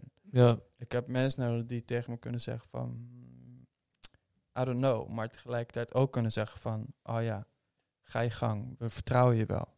Dat is wat Videoland heeft gedaan. Videoland heeft letterlijk gezegd... We vertrouwen je wel. Hier, go for it. Hier heb je de bal, ga er maar mee rennen. Als je mij de bal geeft, dan schiet ik hem zes keer in de kruising voor je. Als je mij dat vertrouwen geeft, dan gaat hij erin.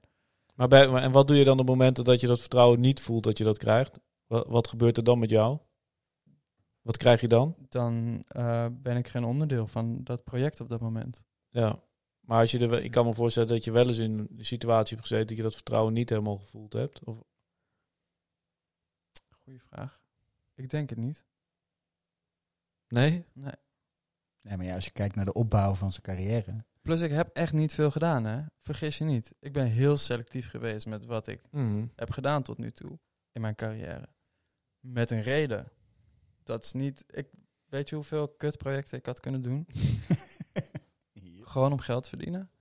Eh, of weet je, met een regisseur waarvan ik niet zo, waarvan ik niet echt het gevoel heb van, oh, jij gaat me iets kunnen leren. Zijn er projecten die waar je nee tegen... Je hebt tegen heel veel dingen nee gezegd, uiteraard. Ja, man. Maar zijn er projecten tussen waarvan je denkt van... Oeh, misschien had ik die wel kunnen doen? Nee, man. Nee? Alle Oeh, projecten waar ik nee tegen heb gezegd, Maar dit bedoel ik. Is ik gedaan. ben Leuk, zo, hè? Dat is, nou, maar dat vind ik, dat is knap. Ja. Maar ook, ook al is het niet eens waar, dan is het nog knap. Weet je wel? Dan is het gewoon, dan heb je in ieder geval voor jezelf dat gevoel. En dat is, dat is het belangrijkste. ja. Ja. Nee, maar het is mooi, geen spijt. Dat is het vooral, toch? Dan? Nee, nee, nee, absoluut niet. Eh, er zijn absoluut projecten die ik gewoon had kunnen doen en gewoon goed geld had kunnen pakken. En eh, ik vind het ook grappig, want er wordt gezegd, ja, maar die zit erin en die zit er ook in en die zit er ook in. En het enige wat ik dan denk is, wauw, je hebt dit script gelezen en je hebt ja gezegd. Wauw. Of je hebt like vier hypotheken lopen of vijf kinderen die je moet onderhouden. Kijk, dat is ook mijn, mijn winst geweest. Is dat ik gewoon redelijk solo leef. Geen kinderen heb, dus ik hoef alleen mezelf en mijn familie te onderhouden. Eh, nu heb ik wel een grote familie. maar gelukkig kunnen die heel goed hun, eh, zichzelf onderhouden. Ehm, waardoor niet alles, ja, wa- waardoor we elkaar vooral ondersteunen daar waar nodig. Ja. Ehm, maar er zijn natuurlijk ook gewoon heel veel acteurs die denken van, yo, ik moet gewoon geld verdienen, want eh, Ja, kind nummer hè? eh, Ja. drie komt eraan, weet je. Ehm, ja, ik, ik heb dat niet. Dus, dus ik, ik, heb, ik ben blij dat ik daardoor ook makkelijker nee heb kunnen zeggen tegen een aantal projecten die vervolgens uit zijn gekomen. Van ik dacht, oeh, ben ik blij dat ik die bullet gedodged heb op dat moment. Ehm, en nog steeds hoor. Ik bedoel, eh, nog steeds. Ik- je kan mijn management opbellen en zeggen en vragen: Yo, hoe vaak zeggen we maar ja en hoe vaak zeggen we maar nee tegen dingen? Hij, ik zweer jullie, ze gaan zeggen: hij zegt meer dan 80% zegt hij nee. Of het nu een project is, of een interview, of een programma waar ik. eh, een spelprogramma, dat soort shit. ik zeg 80%, 90, meer dan 90%. Meer dan 90%. S- Zij, zij weten bij default, weet mijn management al als ze me mailen, is het niet, hey Ahmed, wil je dit doen? Het is letterlijk, eh, Dit wil je toch niet? nou, als in, eh, is, is het oké als ik dit afzeg? Kus. Ja. Want zij gaan er al vanuit dat ik nee zeg. Dus dan, weet je, zij, En hoeveel, hoeveel aanbiedingen krijg je nu na, na Mokromafia? Is, het, is dat... eh, Nou, waar ik blij om ben, is dat het geen acteeruitnodigingen zijn. Ik ben gewoon een beetje klaar nu wel met acteren. ja, Ehm, ik krijg nu wel gewoon de aanbiedingen van... hey, wil je samen met ons iets maken? Of hey, we hebben dit project opgekocht. Eh, het is een hit in dat en dat land. Wil je dit? eh, wil je hier een Nederlandse versie van schrijven? Eh, hier, we hebben de rechten van dit boek gekocht. Wil je hiervan een pitchdoc maken voor een serie van acht delen of zo? ja, Dus dat, dat vind daar, ik, ik, ben nu op het, ik ben nu op het punt dat ik, ik vind het moeilijk om tegen al dat soort dingen nee te zeggen. Dus daar ga ik nu enorm van aan. Van, eh hey yo, we willen dit met je maken. ja. Dus ja, ehm, Maar hoe, en, hoe dat, en hoe behoed je je daarvoor dat je niet te veel hooi op je vork neemt daarin? Omdat je ook weet dat... eh dat nou ja, toen je mok... De nou, als het niet van mezelf is, Ja, dan ben ik al iets, mm, iets sceptisch. En tenminste niet sceptischer, maar dan, dan zou ik... Het ligt eraan hoeveel vrijheid ik krijg. Dus als je me vraagt om iets te, iets te eh, herschrijven naar het Nederlands, wat, die, en die serie is al een hit in een ander land, ja, dan is het voor mij, oké, moet ik één op één hetzelfde schrijven of mag ik hier totaal mijn eigen draai aan geven? En als er maar sommige elementen overeind blijven van het oude verhaal. En als dat het geval is, hè, ik mag het mijn eigen maken, dan doe ik het. Als ze zeggen, ja, nee, we willen eigenlijk gewoon één op één wat dat was, want het heeft daar gewerkt. In x land, in x stad en whatever. Dan heeft het voor mij geen zin ja, als men met een boek naar me komt en zegt: Yo, ehm, ehm, wil je dit, wil, je een pitchdoc schrijven hè, eh, voor een serie op basis van dit, dit boek? Als ik de vrijheid krijg om dat boek te lezen en zelf mijn take daarop te hebben, I'm your guy. Maar als als je drie mensen om me heen zet en iedereen heeft zijn eigen take en daaruit komt dan deze serie met wel mijn naam. Nee, dat, dat, dat, is, niet, dat is niet wat gaat gebeuren. Nee. En je zei dat je, dat je, dat je minder wil acteren. Is dat iets wat je, dat je dat gewoon eh, op een lager pitje gaat zetten? Of? Ehm, nou ja, het ligt eraan wat er op je pad komt. Maar er zijn niet heel veel. ehm, er zijn niet heel veel regisseurs in Nederland waar ik eh, nog mee zou willen werken. Of waar ik eh, zo van onder de indruk ben dat ik denk van oeh ja man, ik hoop dat ik Mhm. in jouw film zit. En het buitenland? Nou, het buitenland komt voor jou. Ja. Weet je, ik ga niet naar het buitenland en zeggen: hé, hey, luister, dit is mijn cv, bladibla. Het buitenland komt voor jou. Ehm, Maar Mokro Mafia is volgens mij ook in, in het buitenland te zien. Ja, ja, ja. Dus Mokro Mafia, gek genoeg, is Mokro Mafia het project wat mij naar het buitenland aan het brengen is op dit moment. Ja. Maar dat Ehm, wordt gedubt vooral, denk ik dan? Of gaat er ook remakes komen? Het wordt gedubt. Ja. Nee, de- ja, dat kan remake. Kan, ja. ja. Why not? Mm. Ja, ja, Ja. het zou Het kunnen. is wel heel Amsterdam. Ja. het, het is wel heel lokaal. Het is wel Ja. heel lokaal. Ja. Zeker het eerste seizoen is, is heel... Maar het, het zou kunnen, absoluut. Het zou kunnen.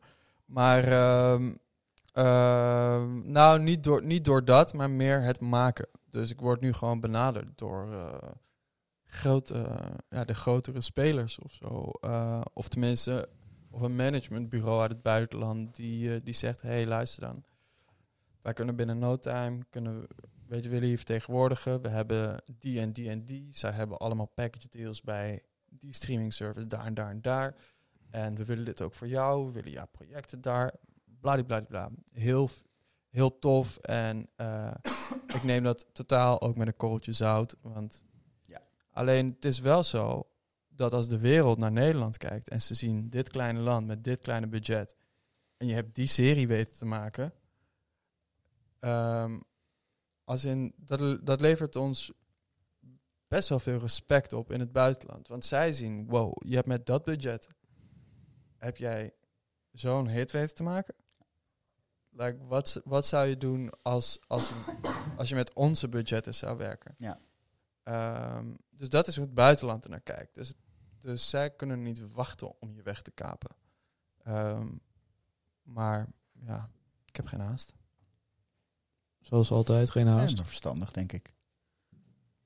Hey, maar eh, je hebt nu Mokka Mafia 2 is, is gemaakt, is eh, uit, is volgens mij eh, nog beter ontvangen dan deel 1. En ja, man. eh, nou ja, we weten natuurlijk nooit kijkcijfers, maar het zal aardig bekeken zijn op Videoland. Ja, Videoland is blij. Nou, dat, Ja, ja. Er zijn ook, ik bedoel, we, we hebben een beetje een controversieel einde eh, aan het seizoen gehad. Hè. Ehm, die valt niet overal even goed. En dat zal Videoland ook wel gehoord hebben. Ja. Ehm, maar ja, dat is wat het is. Maar 3 komt eraan. Drie is, komt eraan, is- ja. staat in de planning. Maar eh, als ik zo, hè, als we even deze, eh, dit anderhalf uur eh, samenvatten, dan zit er heel duidelijk een, een, een lijn in van jezelf ontwikkelen en eh, verschillende doelgroepen aanspreken. Eh, heb je al plannen om, wil je dat voortzetten ook in je maakproces? Of ga je dat, Zeker, ja. Dus eh eh, eh, up next een, een kinderfilm of een, een? Bijvoorbeeld. Ja. Nou ja, ehm, er zijn een aantal. Ik ben, ik ben niet heel erg met films bezig. Ik Nee, ben vooral even- met als in het, ma het maken van series. Ja. En ja, die hebben wel. ja, die zijn gewoon. het een is een modern koningshuisdrama, bijvoorbeeld. Een serie daarover. Het andere, het andere is wel een beetje voor die doelgroep, maar dan voor meisjes. Dus het andere is een verhaal over een beetje een wraakverhaal over een meisje. Ehm, het ander gaat weer over twee jongens die eh, twee jongens uit het gooi die eh, de eerste porno websites, eh, de eerste gratis porno websites hebben gebouwd. Een serie daarover, weet je, dat, dat gaat gewoon over jongens die opgroeien in in het gooi. Ehm, dus inderdaad, zoals hoe ik met mijn acteerwerk verschillende doelgroepen probeer te bedienen. Ja. Dat is absoluut wat ik ook probeer te doen met het maken. Ja. En gaat Videoland je ooit nog loslaten dan? Of, Ik heb maar een contract voor één project met Videoland en dat is Mokkermafia. dus je mag weer opnieuw onderhandelen. Eh, nou ja, eh, ik, ik, ik ben niet vast bij Video. Ik ben heel loyaal en dat weet Videoland ook en dat weet RTL ook. Maar het is niet dat ze me daarvoor heel erg belonen of zo. Het is niet dat ze me na seizoen 2 een blank check hebben gegeven met... eh yo, de volgende zes projecten die je wil maken. ehm, hier mag je tekenen wat je wil. Dat is niet het geval. Ehm, en dat vind ik eigenlijk ook helemaal niet erg. Ehm, want alle andere deuren zijn inmiddels open gegaan. Ja. Dus ehm, ja, er zijn mogelijkheden om met meer mensen samen te werken. En mensen die mij kennen, die weten dat ik enorm aanga van toffe samenwerkingen. Eh, en het liefst met zoveel mogelijk mensen probeer samen te werken. Ehm, omdat ik dan ook genoeg mensen de kans kan geven. Mhm. Uh, want uiteindelijk is dat waar het om draait. Dat is het enige waar het om draait.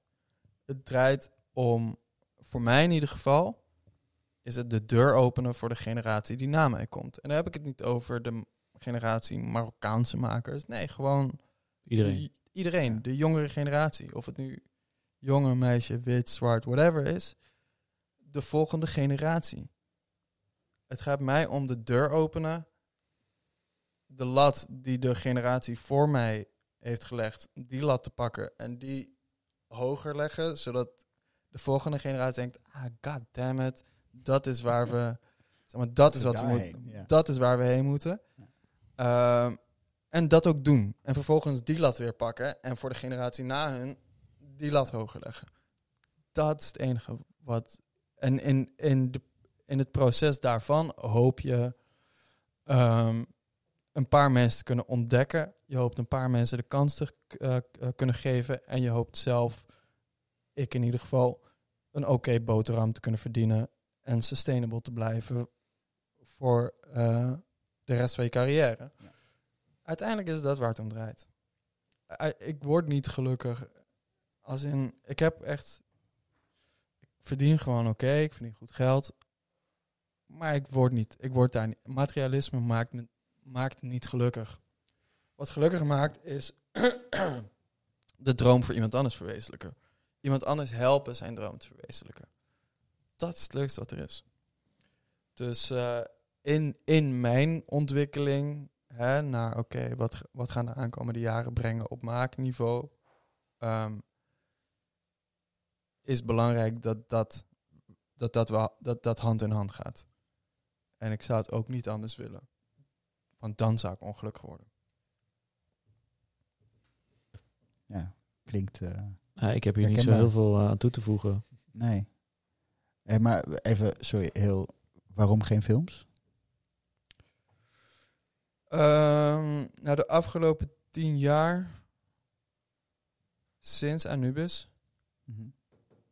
Ja, toen ik tussen scènes door moest wachten ehm, in, in mijn kleedkamertje, eh, ben ik gaan, eh, heb, ik, heb ik series leren kijken. Mhm. Dus ben ik eigenlijk verliefd geworden op series, omdat, je, om, omdat het verhaal niet stopt. Of tenminste, Ja. het verhaal stopt voorlopig niet. Ik hou van films en ik zou ook zeker. Ik, ik, ik heb ook wel ideeën voor films geschreven en eh, die ga ik ook absoluut ooit maken. Maar ehm, ik vind series vind ik interessanter op dit moment. A, omdat ik er zelf vooral naar heb gekeken de afgelopen tien jaar. Ook om te leren hè, eh, wat werkt, wat werkt niet. Eh, hoe wil ik zelf mijn verhalen vertellen? Komt dat dichter in de buurt bij Nederlandse, de Nederlandse manier van vertellen? Of komt dat dichter in de buurt bij de HBO-manier van vertellen? Hoe ga ik om hè, met vorm, met cliffs, met dat soort dingen? Hoe hou je de kijker? eh, hoe, hoe laat je de kijker echt bingen naar je serie in plaats van, oh, laat me even opzetten en ik pak mijn telefoon erbij. Ehm, ik heb mezelf tien jaar getraind met alleen maar buitenlandse series. Ja, want jij was al een bintje voor dat Vroeger, ik Netflix vroeg was. ook aan me of eh, onze Alleen maar pracht- een Zeker, ja. ons prachtige concept, eh, de tip voor, voor NL Product, zei hij, "Ja, hoezo? Ik kijk alleen maar buitenlandse series. Dus ik hoop dat hij toch nog... eh, Nou ja, maar een je tipje kan geven Nou van, ja, eh, van Nederlandse Als bodem. in, Maar als in de laatste film die, ik- die ik gewoon echt goed vond, is van iemand van mijn generatie. En dat is Halina. Dat is haar film. Eh, dat is toch de laatste goede Nederlandse film geweest? instinct. Ja. Ja. helaas zijn er natuurlijk niet zo heel veel meer uitgekomen. Maar ik denk dat dat wel eh, En- Nederlandse film was. Dat is van afgelopen jaar. Ik kan me ook niet voorstellen dat een andere film Kalver gaat pakken, behalve die. Ehm, maar ook als je kijkt wat dat voor ons heeft betekend. Of doet Libby nog mee met eh Kalver? Eh, nee, was voor, vorig jaar Kalveren gewonnen. oh ja, natuurlijk. Ze hebben ja. vorig jaar Kalver gewonnen. En films, Ehm, films die nu in première gaan, die dit dingen ook mee. Dus er zijn ook Ja. nieuwe films die nu... Oh, eh, Mees heeft natuurlijk ook zijn film. Ja, dus er zijn wel nieuwe, nieuwe films die, die niemand nog gezien heeft die in première gaan. Dat is een, eh, een, eh, vers, een nieuw, een nieuw, nieuw, Regel. nieuwe regel. Die, eh, die denk ik ook wel goed is. Maar eh, dus ben- ook, ook, ook nieuwe films dingen mee naar, naar de Gouden Kalveren. Ehm, Welke Maar- nieuwe films komen nog uit dan?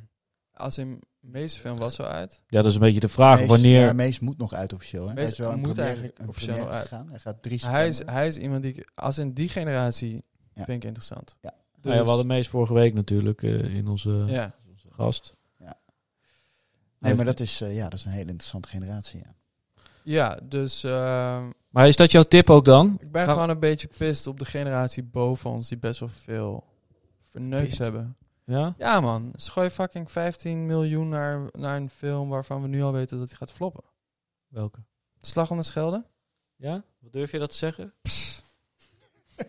Is mijn hele leven op te wedden. Ja? Denk je dat hij 15 miljoen terug gaat verdienen, hier of in het Nee, maar buitenland? dat Hè? Ja, maar dat doet, dat doet bijna geen enkele. Denk je dat er 100.000 mensen naartoe gaan? Eh, Als ze geen deal hebben gesloten, hè, van eh, je, krijgt je, je krijgt een gratis kaartje bij een pak eh, wasmiddel of zo. Als er geen package deals eh, zijn gemaakt, denk je dat, dat zo'n film. Ik denk dat, daar, eh, dat hij wel 100.000 mensen gaat halen. Maar dat is natuurlijk bij lange na niet genoeg om ook maar iets terug te verdienen. Maar hij gaat wel, die 100.000 gaat hij wel halen. Maar die gaat zo groot neergezet worden. Zolang we dat soort onzin gebeuren. blijven maken, dan gaan we nooit. eh, dat is wat frustreert. Als je het over frustraties Ja, ja. hebt, dan is dat wat frustreert. Namelijk, er gaat zoveel geld naar projecten waarvan je denkt: ziet niemand dat, dat dit niet gaat bewegen straks? Niemand van jullie? Ja, ja, ik probeer, ja.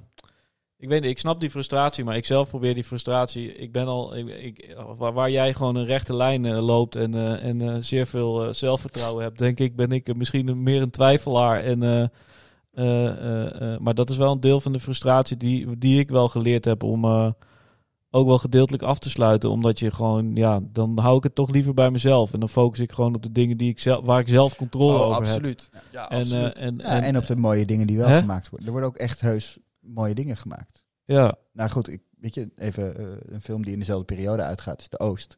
Wat ook een hele grote film is. Wat ook, nou, hoe- hoeveel duur was die? Tussen Nee. de 6 en de 7. Nu.nl stond 6.6. Oké, nou het zal wel, nu.nl zal wel Nu.nl gelijk heeft, al, heeft altijd gelijk. Ja, 6,6. maar weet je, dus nou ja, minder dan de helft. Minder dan de Maar helft. het Belangrijkere film. Fucking goed uit.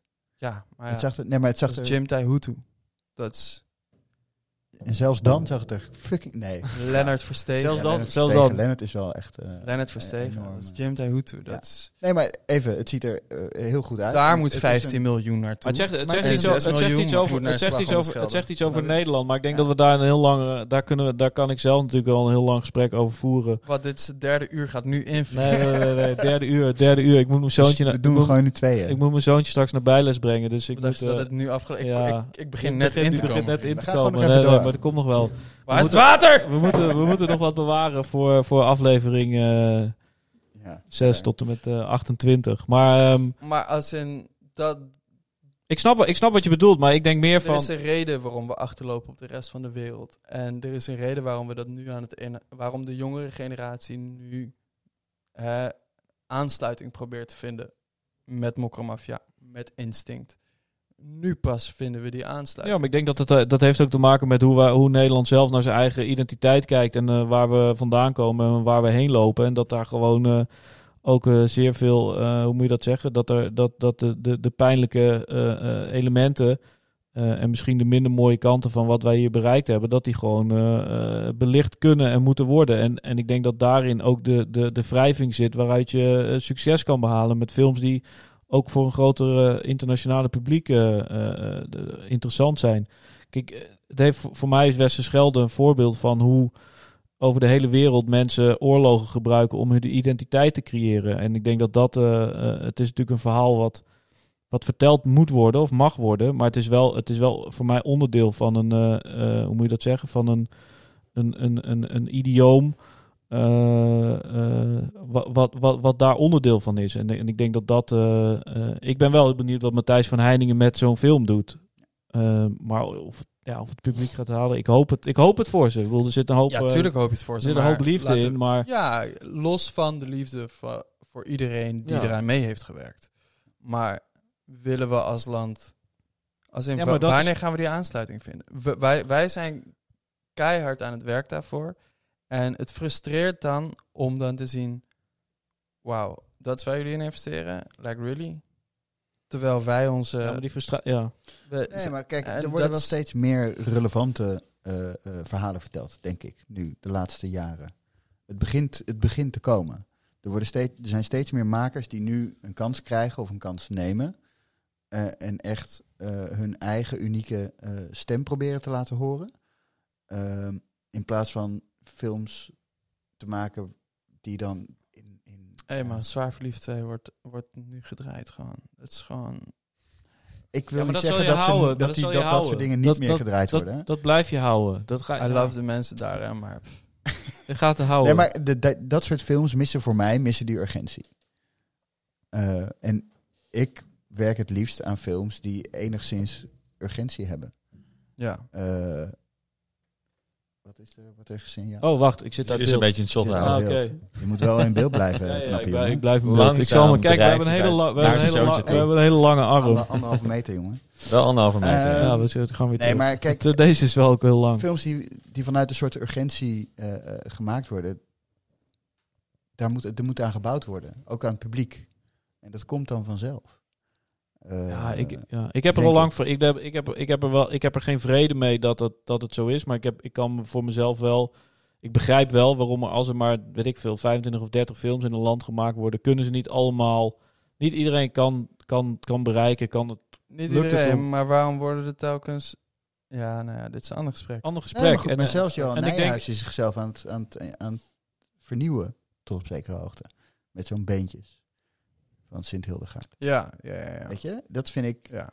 eh, ik heb de film nog niet gezien, maar ik vind het wel echt heel verfrissend dat eh, hij toch een heel ander publiek ook nu weet te trekken. Eh, en groot publiek. Met iets wat, wat op papier natuurlijk, weet je, lijkt het totaal niet interessant. Eh, Maar Herman Vinkers heeft slim- natuurlijk wel. Ja. een, ja, maar ja, Herman Vinkers is ook alweer... ja, maar goed, voor een grote generatie is Ja, hij ja, ja, natuurlijk wel. zeker. eh, Maar ik vind het de heel Peter dit- Pannenkoek van, eh, Maar ik vind het wel echt van een knap. andere generatie. De OG Ja. Peter Pannenkoek. Maar eh, kijk, eh, ik, ik, wou wel, ik wou langzaamaan gaan afsluiten. Want, en, eh, de tip, Ja, is dat, was Instinct jouw tip dan, of niet? Tuurlijk is nou, nee, niet eens zozeer, want iedereen heeft die film al gezien, toch? Ja. Ehm, valt ook wel mee, toch? de mensen die dit gaan kijken? Eh, ja, die hebben hem waarschijnlijk wel gezien. Ja, Of toch? Als, in, als in ons, onze vakbroeders en zusters? Lijkt mij dat die die film, en als je die film niet hebt gezien, dan... Ja, nee, dus een film die je gezien moet. Ja, Ja, als in dat is... Dat is ik, ik, kan, ik kan me, maar dat is ook mijn beperkte kennis op dit moment van wat er het afgelopen jaar allemaal is uitgekomen aan binnenlands materiaal. Ook omdat ik hè, met mijn hoofd vooral bij mijn eigen dingen heb gezeten. Dus ik weet niet zo heel erg wat er uit is gekomen, los van Instinct, qua Nederlandse producties. Maar jij weet het wel, dus kun je even opzommen? Kan ik even opzommen? Dat is echt een hele. Nou, dus, dus de, de, de, de, pro- de projecten die, die jou nog zijn bijgebleven van het afgelopen jaar. Die ik, eh, ver- die Ja, nee, die is ik het even is niet ook- voor de het is geest haal. natuurlijk een, een, een, een gehandicapt jaar dit jaar.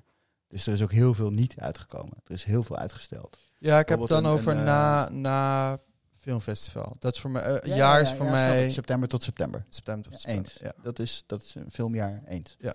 Ehm, Ik vind het ingewikkeld. Wat, zijn de, wat waren de, de kersthits? Was, was Huisvrouw bestaan die twee? Trash. Sorry.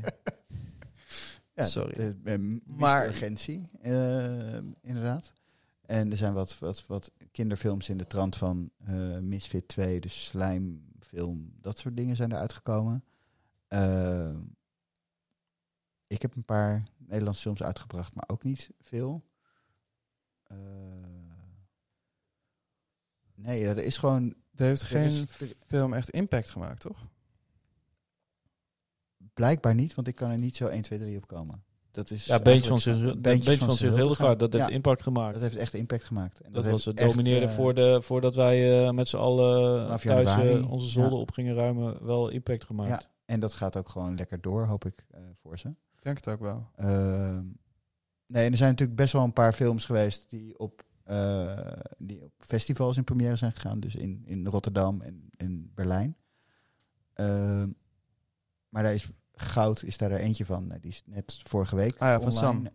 Eh, Of nee, niet van Sam. Ik zeg altijd van Sam, maar hij is van dingen. Eh, Goldie is van Sam. Die Goldie is van Ja. Sam, maar dat is geen Nederlandse film. Hè? Het is een Nee, Nederlandse precies. maker. Maar iedere keer als ik goud hoor, dan denk ik... Oh, Ja, jullie hebben gewoon de Nederlandse titel van Goldie gepakt. Maar dit is gewoon... Nee, goud is je- van... ja, hij draait er gewoon een beetje Frank- omheen. Hij wil, hij wil dat jij Frank nu, Hoef heeft. Frank Hoef heeft hij wil dat jij nu een tip geeft. Ja. Heb Nou je ja. geen tip? Mag ook 20 jaar oud zijn, hè? Heb jij in je jeugd wel eens een Nederlands film gezien? Zakmes of zo? Ja man, tuurlijk. Nee, maar ik ga, dan geef nu een voorbeeld. Moet ik natuurlijk niet doen. Zakmes maar- heb ik absoluut gezien, ja. Lepeltje met Joep. Welke? Lepeltje. Nee, oh, met uh, Joep Truijen. Eh, en eh, een van de eerste films van Carice. Polle, nee, dat, he, heet, heet die die lepeltje? Of heet, was Nee, dat ik weet niet of Polleke? Polleke? Polleke. Polleke was maar. Joep herinneren. Ja, nee. ehm ja, Za- Zakmes vond ik wel vet. Dat is een van de oudere films die ik me kan herinneren. Ehm, ja, verder heb ik gewoon best wel veel. Het niveau is niet echt is, heel erg is er een, een. Nederlands film geweest waar je van, oh fuck, dit kan ik ook. Of eh, dit wil ik ook. Maar het was niet echt film, het was meer toneel dus. Ja, in het begin was dat toneel. In het begin was dat echt, eh, oh wauw, ik heb deze voorstelling gezien. Ik moet daar staan. Ik kan dat ook. En ik kan het misschien zelfs beter. Onzin natuurlijk op dat moment, maar dat is wel hè, het gevoel wat ik daar op dat moment had.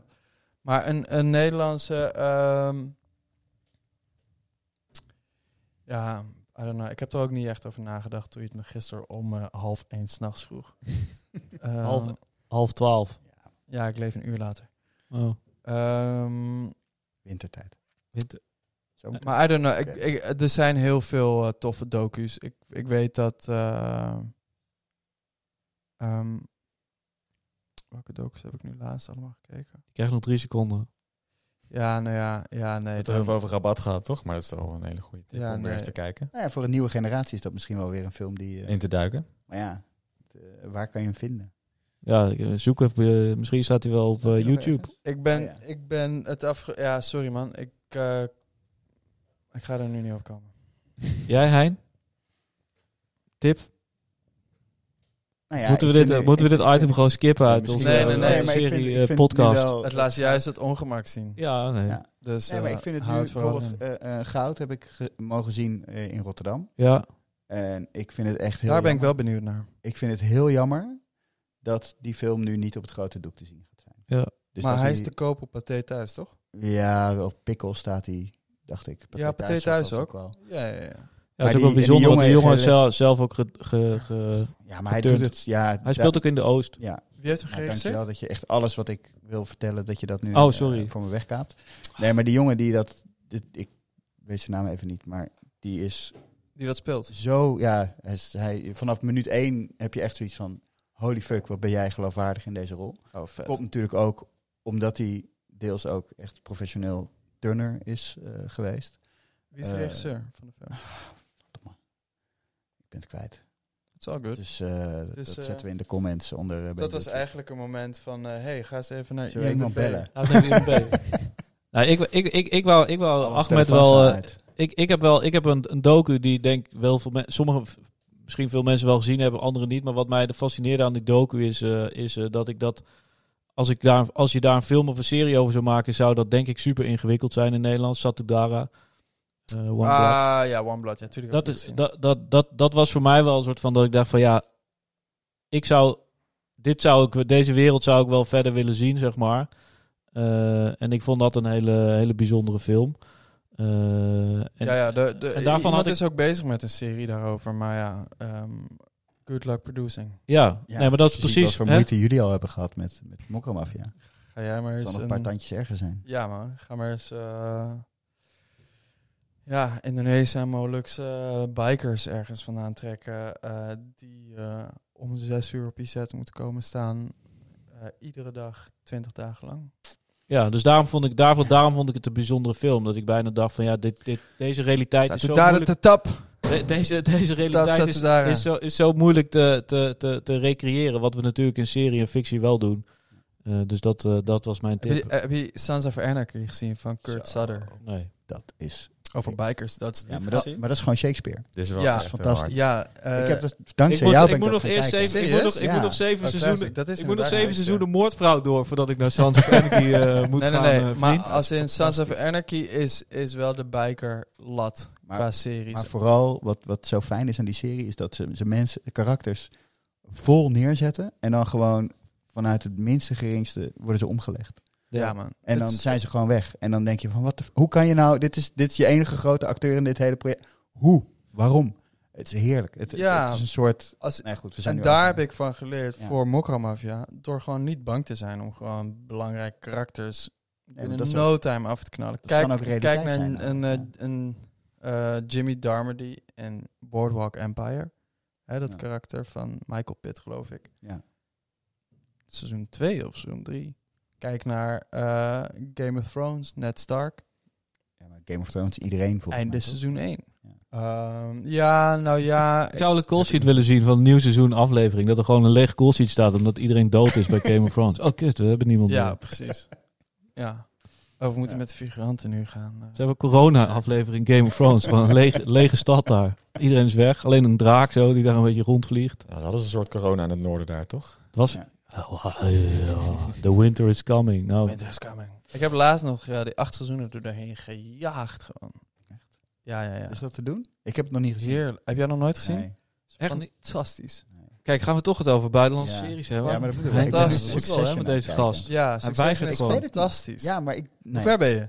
Einde seizoen 1. Hey, Het is, begin wel, het is goed. maar te het zijn kijken, allemaal jongen. zulke eikels. En daarom Stuk is het fantastisch. Weet je, eh, zie je hoe goed ze spelen? Ja, het is, ja, dat is fantastisch.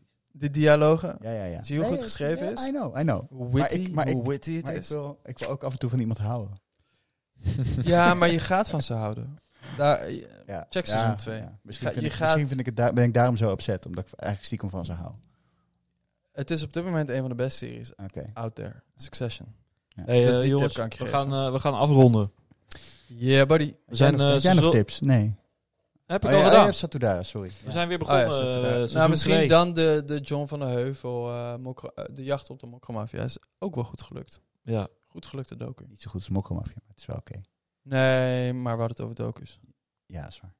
Geen enkele crime docu is zo goed gelukt als Grote Jongens uit CT. Kijk, Bam. bam. We zijn begonnen. Seizoen 1, aflevering 2. Gaan er hopelijk nog meer, vele volgen. Eh, mede mogelijk gemaakt door het Nederlands Filmfestival. Eh, prachtig logo van Undark. Danken we Jan Mul voor van Farin S. Die Ahmed nog niet gehoord heeft, maar die komt hier prachtig ondergezet. En Tabernacle voor de gastvrijheid die wij vandaag Yes, mochten ervaren. Altijd Als jullie- welkom. Altijd welkom. Als jullie berichten willen sturen, at Hein van Jolen of at Julius Bonten of at The Cutcast. En, dan, Mij met rust laten. Zeker. en laat Ahmed met rust, want hij antwoordt toch niet. Hij retweet, hij retweet alleen als je eh, iets zegt over Mokromafia. Of niet? Nou, vaak wel, ja. Ja. dus ik, goed ik hou mijn social media eh, activiteiten beperk ik tegenwoordig tot eh, puur promo. Ja, Prima. absoluut. Puur promo. Promomachine. Dus dit, Promomachine, eh, ja. promomachine. Yes. Oké. Lieve mensen, houd het safe en eh, we spreken elkaar snel. Later. Ahmed, wil je nog afsluiten met een soundbite? Fantastic. Deze kunnen we niet betalen eigenlijk. You don't know the power of the dark side. You don't know. Young West Spec. Twee uurtjes precies.